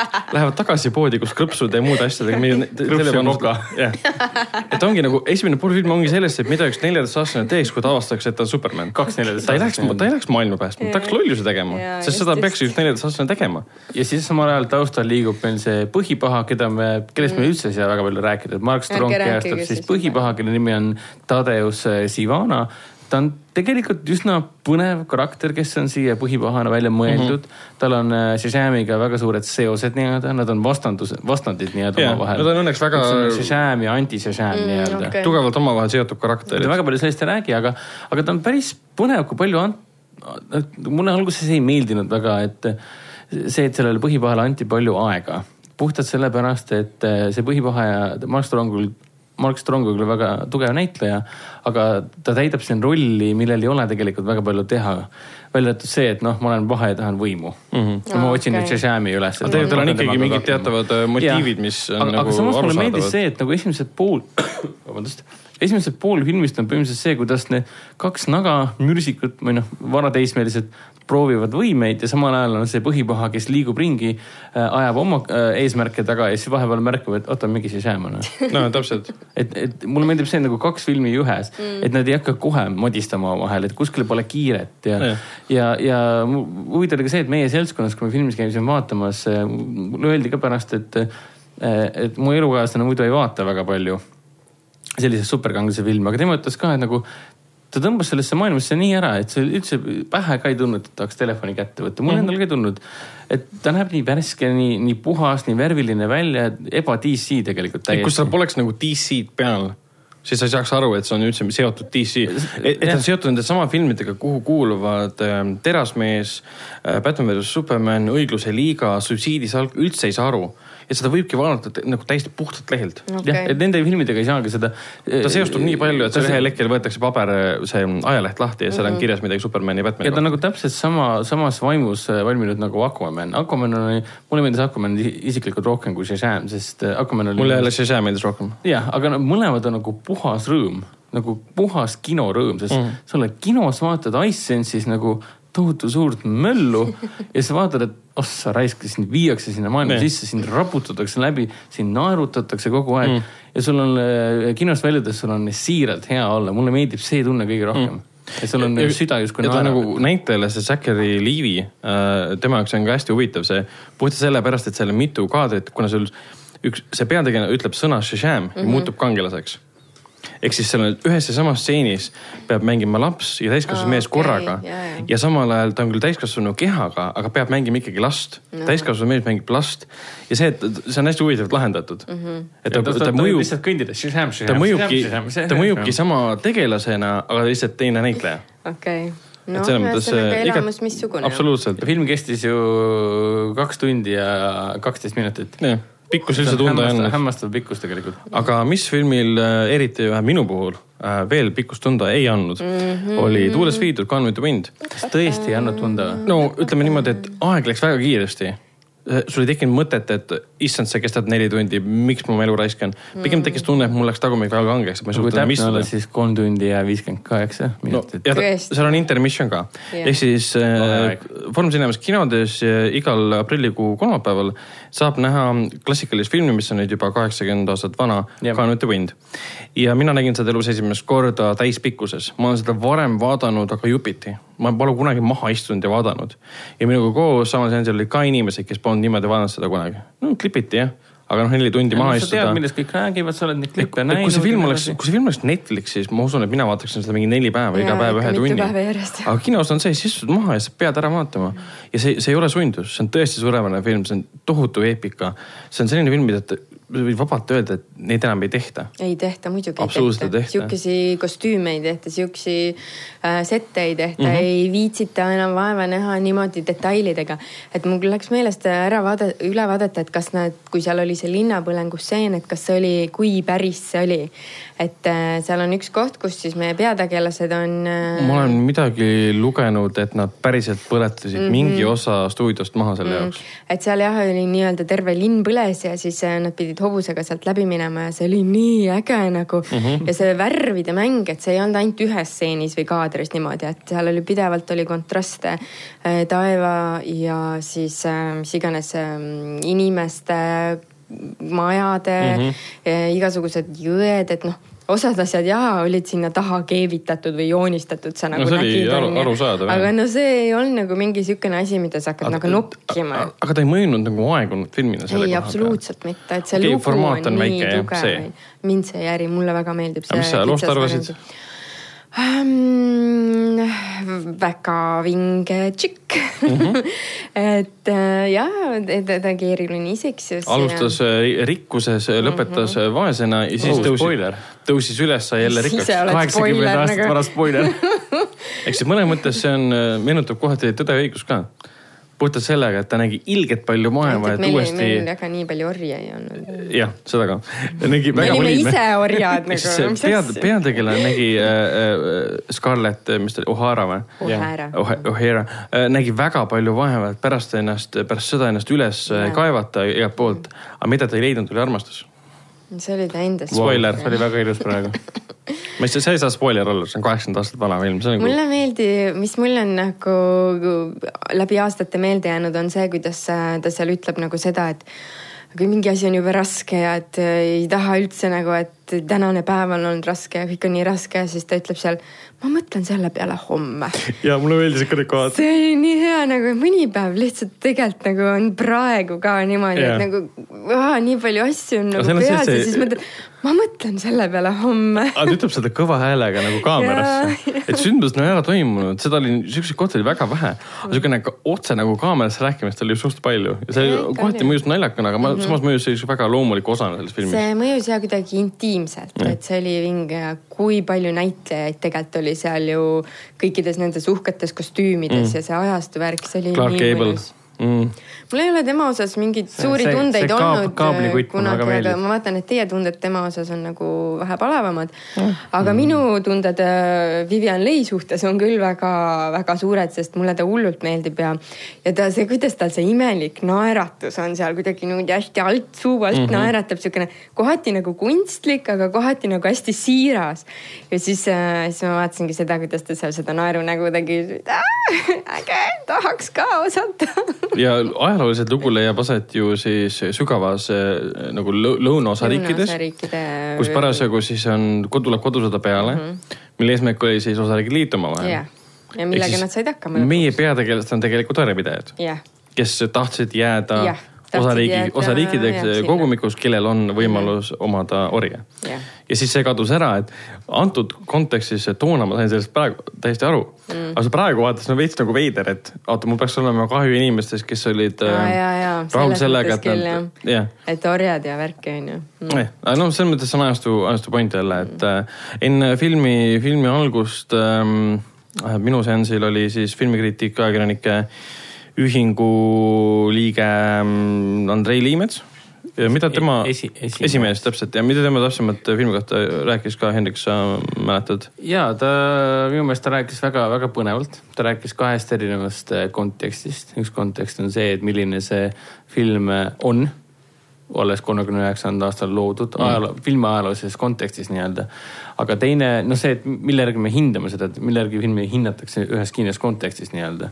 samamoodi, kui me räägime siin äh, Sergei Leone filmidest ja nii edasi. aga samas, mismoodi ta, antud film teine kontekst, kontekst on siis see, kuidas antud film tekitab äh, vastandumisi tänapäevaste mõttelaadidega või see, kuidas elu on muutunud nii-öelda ehk siis samamoodi see mustanahaliste teema nii-öelda, kõik on orjad ja kõik justkui filmis ütlevad, et jaa, aga meile meeldibki ori olla ja kõik sihuke teema. Kas see- paistis nagu väga, väga tugevalt nagu. see kohati oli teatava, teatava koha juures oli eriti välja, kus sul tegelased, kes olid kaotanud küll oma rikkuse pärast seda kodusõja lõppu. ja sa ütlesid, et aga meie neid ju omal ajal nii julmalt ei kohtlenud, kui nemad praegu. jah, sõltumata sellest, et ori on ori ja nii edasi. ja, ja, ei seal film orjandus kui sellist absoluutselt ei äh, isegi ei käsitle, ei pu- isegi puuduta. ja sest see oli nii-öelda fakt nagu sest see, see Teen Janna, see, kes teda mängis Häti ähm,, praegu ei mäleta, Mämmit, igatahes mängis mm, -hmm. kes võitis ka Oscari selle kõrvarolli eest. ta mõjub täpselt samasuguse tegelasena kui teised mm -hmm.. välja arvatud see, et sa märkad mingeid kohti, kus ta on alati teenija mm. -hmm. mustanahalased on alati teenijad mm, -hmm. nad on alati töölised. Hattie McDaniel. täpselt, täpselt ja seal oli koht ka, kus üks, üks teenijannadest tahtis kutsuda Clark Gable'i tegelast kui appi mm. Mhm. -hmm. aga ta sihilikult ei läinud tahterisse või sellisesse baari nagu sisse, sest ta teadis, et ta ei tohi sinna minna. sellepärast jah, et oli see segregatsioon, et Täpselt. olid mustanahaliste kohad ja teiste kohad. film võtab seda niivõrd iseenesestmõistetavalt, mis on okei okay,, sest ta kujutab seda aega, kus seda võetigi iseenesestmõistetavalt. Et me, me, me ei pea sundima ju, isegi praegused filmitegijad ei pea sundima ajalugu kujutama teistmoodi, kui see oli. ega see film ju tegelikult ta ei tahtnudki rääkida mingisuguseid Ei, äh, ei. taustalugusid või, või salaja ta mingeid. päris kaksteist aastat orjana ei ole jah ja ei Ei, ole ei. ta ka nagu Asset, mis üritas või mis rääkis nagu Ei. lisaks Met- lugusid. Ta rääkis loo ikkagi ainult, et äh, see oli kahest- sellest nii-öelda armastusest mm -hmm. ja valedest arusaamadest üksteise vahel ja Jah. kõikidest siukestest suhetest ja Selles ise, väga- iseenda Jah. nagu probleemidest, et see kohati oli sihuke tunne nagu tõrksa taltsutus oleks vaadata Jah.. ma mäletan kuskilt ma vaatasin, vist oli Sofia Loreniga või kellegiga oli see tõrksa taltsutuse mm, film ma ei mäleta väga hästi raamatut, aga ühesõnaga see on äh, selline lugu, kus äh, üks naine on väga isepäine ja teeb, mis tahab ja tegelikult on nagu väga äge. sa mõtled seda kuuekümne seitsmenda aasta oma või? tõenäoliselt küll. Elizabeth Taylor. aa, Taylor oli vist hoopis, Loreniga on see ka kindlasti. ja, ja siis oligi seal see, et tõrksa taltsutus seisis selles, et mees pidi naisele ähm, mõistuse pähe peksma, sõna mm -hmm. otseses mõttes ta peksis talle mõistus pähe nii kaua siis, kui naine taltsutas äh, iseenda loomuse või muutus taltsaks mehele mm. -hmm. et kohati mul oli nagu see tunne, aga kuna see mm, Scarlett O'Hara oli ikkagi nagu nii iseseisev, et tema nagu läks ja võttis, No võttis tema seda kõik, teha tahtis, ei lasknud. et tema nagu absoluutselt välistas sellise variandi, noh mm -hmm. lõpus äh, muidugi noh, tema enda Mhm. Maksis kurvalt kätte jah, nii-öelda. tema see liiga südametus äh, lõpuks viis tema selle ta jõudis nagu asi polnud selles, et ta jõudis nagu järeldusele, keda ta tegelikult Jaa, armastab nii jaa, hilja. jaa. ja asi polnud selles, et oleks pidanud ennast muutma Jaa.. sest äh, Gable'i tegelaskuju armastas ta sellisena, nagu ta on, just sellisena, nagu ta on. võimatuna, raske iseloomuga, kõike seda onju. ainult, et ta lõpuks saaks aru, et nad on koos ainult sellepärast, et nagu armastuse pärast mm, -hmm. mitte sellepärast, et mingi Mhm. Jaa. rikkus ja Jaa, lapsed ja mis jaa, iganes, jaa. et noh. Nii et äh, seda filmi kindlasti tasub vaadata juba selles mõttes, kuidas tehti kunagi filme, milline Jah. ta välja näeb, kuidas nähti vaeva, et kui olid kõik asjad enam-vähem päriselt, mitte kriini või sinise taustal onju mm.. et, et äh, väga mõnus ja see noh jah, see istumine ei olnud kõige hullem, et seal on üks äh, vahepaus no,, mis oli viis minutit. Plaza Luxalis oleks võib-olla mõnusam seda vaadata. võib-olla, aga siis oleks küll võib-olla. Hisense saalis, noh, vasak kann Jah. Ütles üles vahepeal, aga ainult vasak või? no Ragnar Kolmanda- kasutab, Ragnar kasutab ainult ühte, vaata siis. Jaa, täpselt. sa oled see tüüp. kordamööda vaata. vot, aga sellega saavad meie, meie siis filmikogemused, kinokogemused, mis me vahepeal omasime, omandasime läbi ja lähme filmisoovituste juurde. sellest nädalast äh, jätkub äh, Tuulest viidud kinodes nii kolmapäeval kui ka ülejäänud aprilli. nii palju seda jäänud on äh, kolmapäevadel. lisaks linastub Vene Tarantino Action stiilis film. action.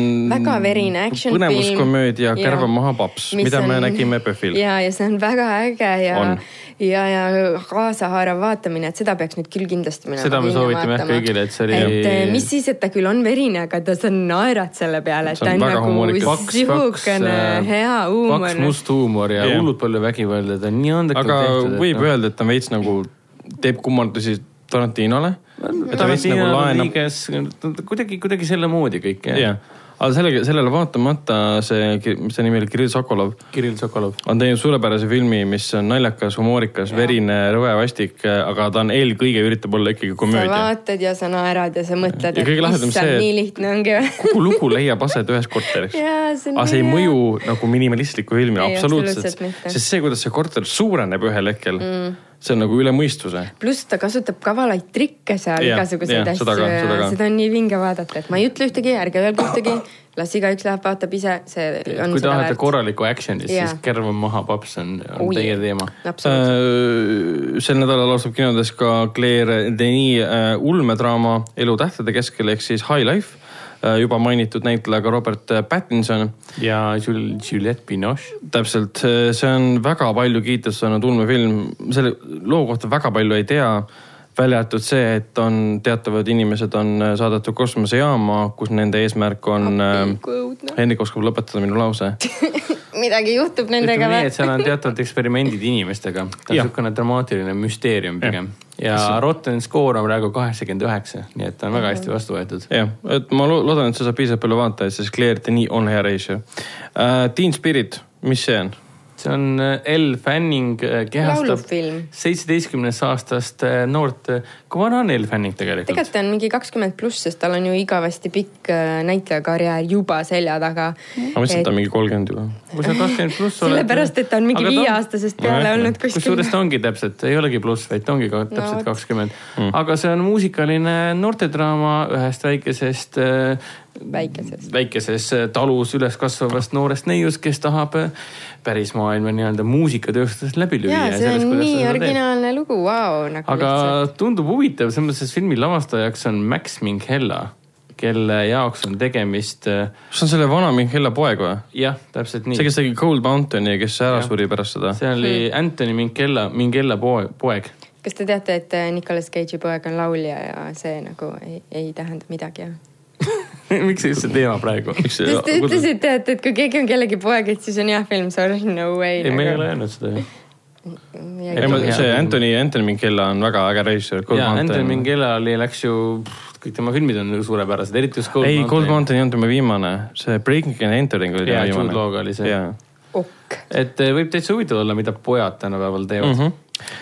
Eh, Hellboy on tulemas, millest me oleme pikalt rääkinud, vaatame, mida teeb, see on siis põhimõtteliselt täiesti remake uus versioon, uus nägemus sellest samast jah, äh, meil on loost. seal äh, Stranger Thingsi David Harbour ja vana hea Milla Jovovitš astuvad vastu teineteisele.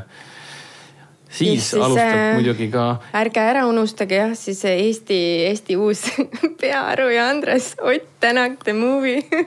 Ott ja tema auto. kes seal see, kes seal see Pearu on siis? auto? auto on Pearu või? Miks auto Pearu ma on siis? tea. ja Ott on Andres või? okei. aga rääkides Ott Tänakust, siis Ott Tänak on totaalne nii-öelda ralli, rallistaar, rallilegend lausa nii-öelda. ja see film on kõikidele Ott Tänaku ja ralli Ott ja WRC fännidele. võidumees kogu aeg. Ma tean. tohutu võitja, selles suhtes pole, pole mingi ime, et äh, inimesed jooksevad turmi reaalselt äh, mis seanssidele. päeval me seda näeme? ta alustab juba neljapäevast ehk siis üheteistkümnendast aprillist. kas hommikul kohe või? ei, neljapäeval on äh, kella, alates kella seitsmest. okei okay.. aga millal Imede park on imede park alustab ka neljapäeval hmm.? imede park on niisugune, tundub väga tore värviline seikluslugu ühest noorest tüdrukust, kes kujutab ette lõbustusparki, mis ellu ärkab nii-öelda ja seal on erinevad loomad, tegelased ja puha. See oli animatsioon, eks ole? kõlab väga tuttav, et lõbustuspark, mis ärkab öösel ellu. oi, oi. ta, ta ei ole just väga tuntud inimeste poolt tehtud, aga ta tundub olevat väga sihukene siiras ja südamlik ja armas ja värviline lugu, see on Pixari film, kuhu võib äh, minusugune onu või siis sinu, sinusugune onu, Hendrik, võtta. kaasa oma, oma õetütre et päris Hundid ja lambad kaks ei ole. mm. -hmm. aga me teame, et tuleb veel äh, üks seksikas film mm -hmm. pärast, After, mida põhimõtteliselt äh, reklaamitakse umbes nagu selle Fifty Shades of Grey filmide raames. see on nagu noortefilm, kus üks neiu kohtub ühe mehega ja see mees pakub talle selliseid ähm, seksuaalseid elamusi, mida ta pole kunagi varem kogenud ja see film siis läheb ühel hetkel trileriks ka, ma ei tea kas täpselt. see on see prantsuse film või? ei, see on USA, täiesti täitsa USA USA film ja põhineb Anna Toodi nimelise kirjaniku põnevikul. Põnevikuks. see on lausa kultusmenuk või midagi taolist ja seda võrreldakse tõesti siis videviku ja viiekümne halli varjundiga. et midagi taolist. arvestades seda, et viiekümne Valli Harjundi autori need lood algasid äh, Twilighti fanfiction'iga, mis fiction'ina, mis hiljem muutusid siis äh, oma Oh. romaanideks, siis on see väga kes huvitav on sellel lainel, siis äh, pärast on ideaalne kes film. tahavad näha noori inimesi seksimas? Aga kes tahavad näha noori inimesi mängimas mänge Aa. kinoekraanil ja veel otseülekandena, siis neljateistkümnendal aprillil on võimalik Coca-Cola Plazas kell kuus tulla saali number seitse ja vaadata, kuidas mängitakse League of Legendsi Euroopa meistrivõistluste, meistrivõistluste või sorry, meistrivõistluste eh, kevadfinaale. mis asjas? League of Legends, see League on of Legends, äh, väga tuntud, maailma kõige kuulsam maailma kõige moba. populaarsem mäng üldse. Mobla, moba. moba. moba.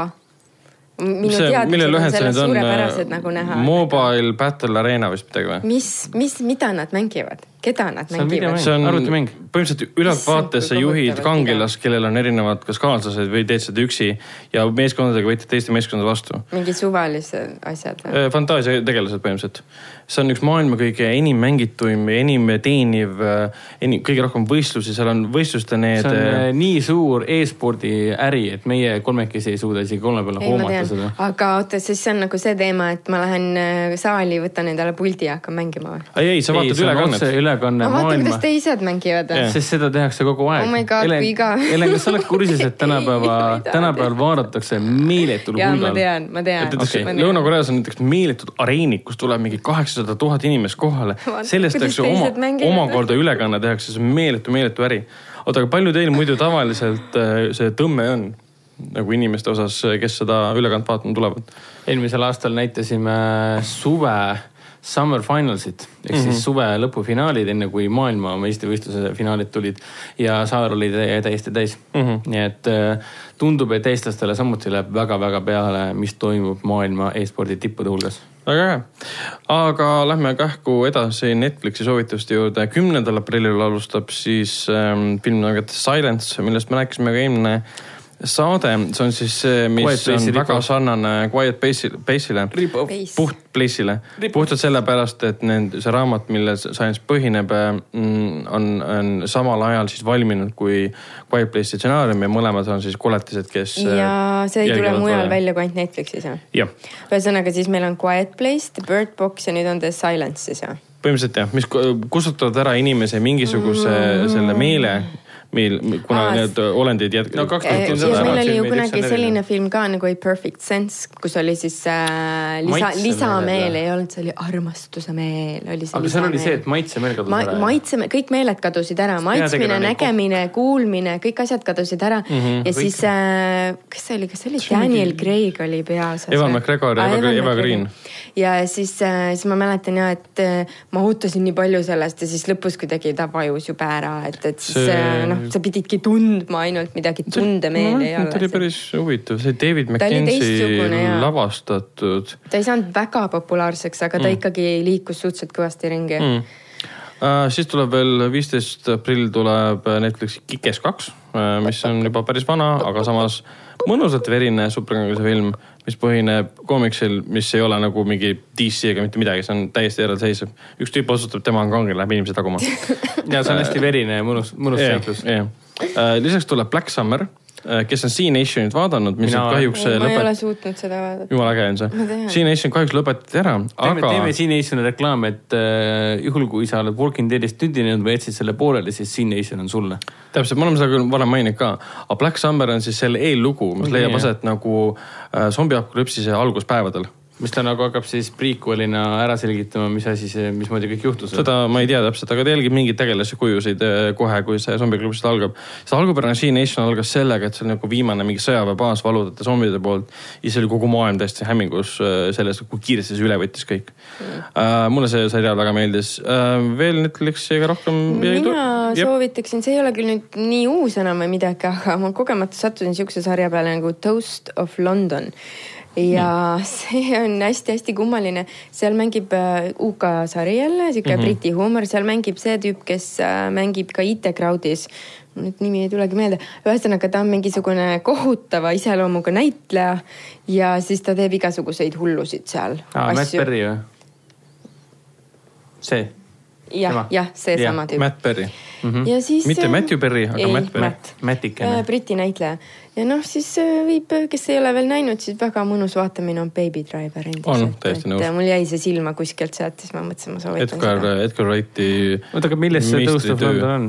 Äh, ta ongi mingi näitlejast, kes, kes, kes otsib endale rolle ja agente ja igasuguseid siuksi. ja siis temaga juhtub igasuguseid kohutavaid asju ja tal on hästi-hästi-hästi halb iseloom ja siis see on nagu hästi-hästi No, kohutav. kõlab aga, väga meeldivalt. aga, aga, aga, aga Helen tahab meile ühe teadaande üle Ja korrata. ärge siis unustage kindlasti kirjutamast ja joonistamast. ja laulmast ja tantsimast. ja me kõik võtame teile äh, vastu. saatke kindlasti siis jututuba, et kinoveeb.ee Jah. ja küsimus oli siis selline, et mis on teistmoodi äh, Stephen Kingi raamatus Lemmiklooma surnuaid ja fil uues filmis Jah. Lemmiklooma surnuaid. üks kõige arusaadavam, tuntum asi, mis on seal ära millest muudetud. hakati juba rääkima siis, kui treilerid välja tulid. Ja siis äh, saate selle, kes õigesti ära vastab, siis äh, välja valitu saab või loosi õnnega võitja siis või? täpselt, kui on liiga palju, kui on väga palju õigeid vastuseid, siis me loosime. jah, ja saab siis Stephen Kingi raamatu endale ja võitjaga võtab ühendust kinoveeb. see on ilus eestikeelne tõlge, kus filmi, filmikandega on filmikantega täpselt. ja seal on täpselt nelisada kaheksakümmend üks lehekülge. Nii et natukene jagub lugemist. head lugemist, sest Minul on kõik see- teame, Stephen King on. minul on see raamat ka kodus olemas, aga mul on see vanem, vanem trükk selle rohelise kaanega. aga selle raamatu küsimuse ma panen kindlasti veel saate kirjeldusse SoundCloudi ja siis ka kinoveebi lehele. Kinoveeb at jututuba.ee on see aadress, kuhu te võite ka niisama kirjutada, joonistada, laulda, tantsida me vastame teie küsimustele ja erinevatele teadetele, on nad siis negatiivsed või positiivsed, kõik võtame saatest läbi Ikka.. aitäh kuulamast minuga koos, nagu ikka olid saates filmikriitik, filmistsenarist Helen Šašmin tšau, pakaa. ja minu vend Hendrik, kes on ühtlasi ka Foorum Cinemas filmi äh, spetsialist, spetsialist. jep, vot, bye. bye.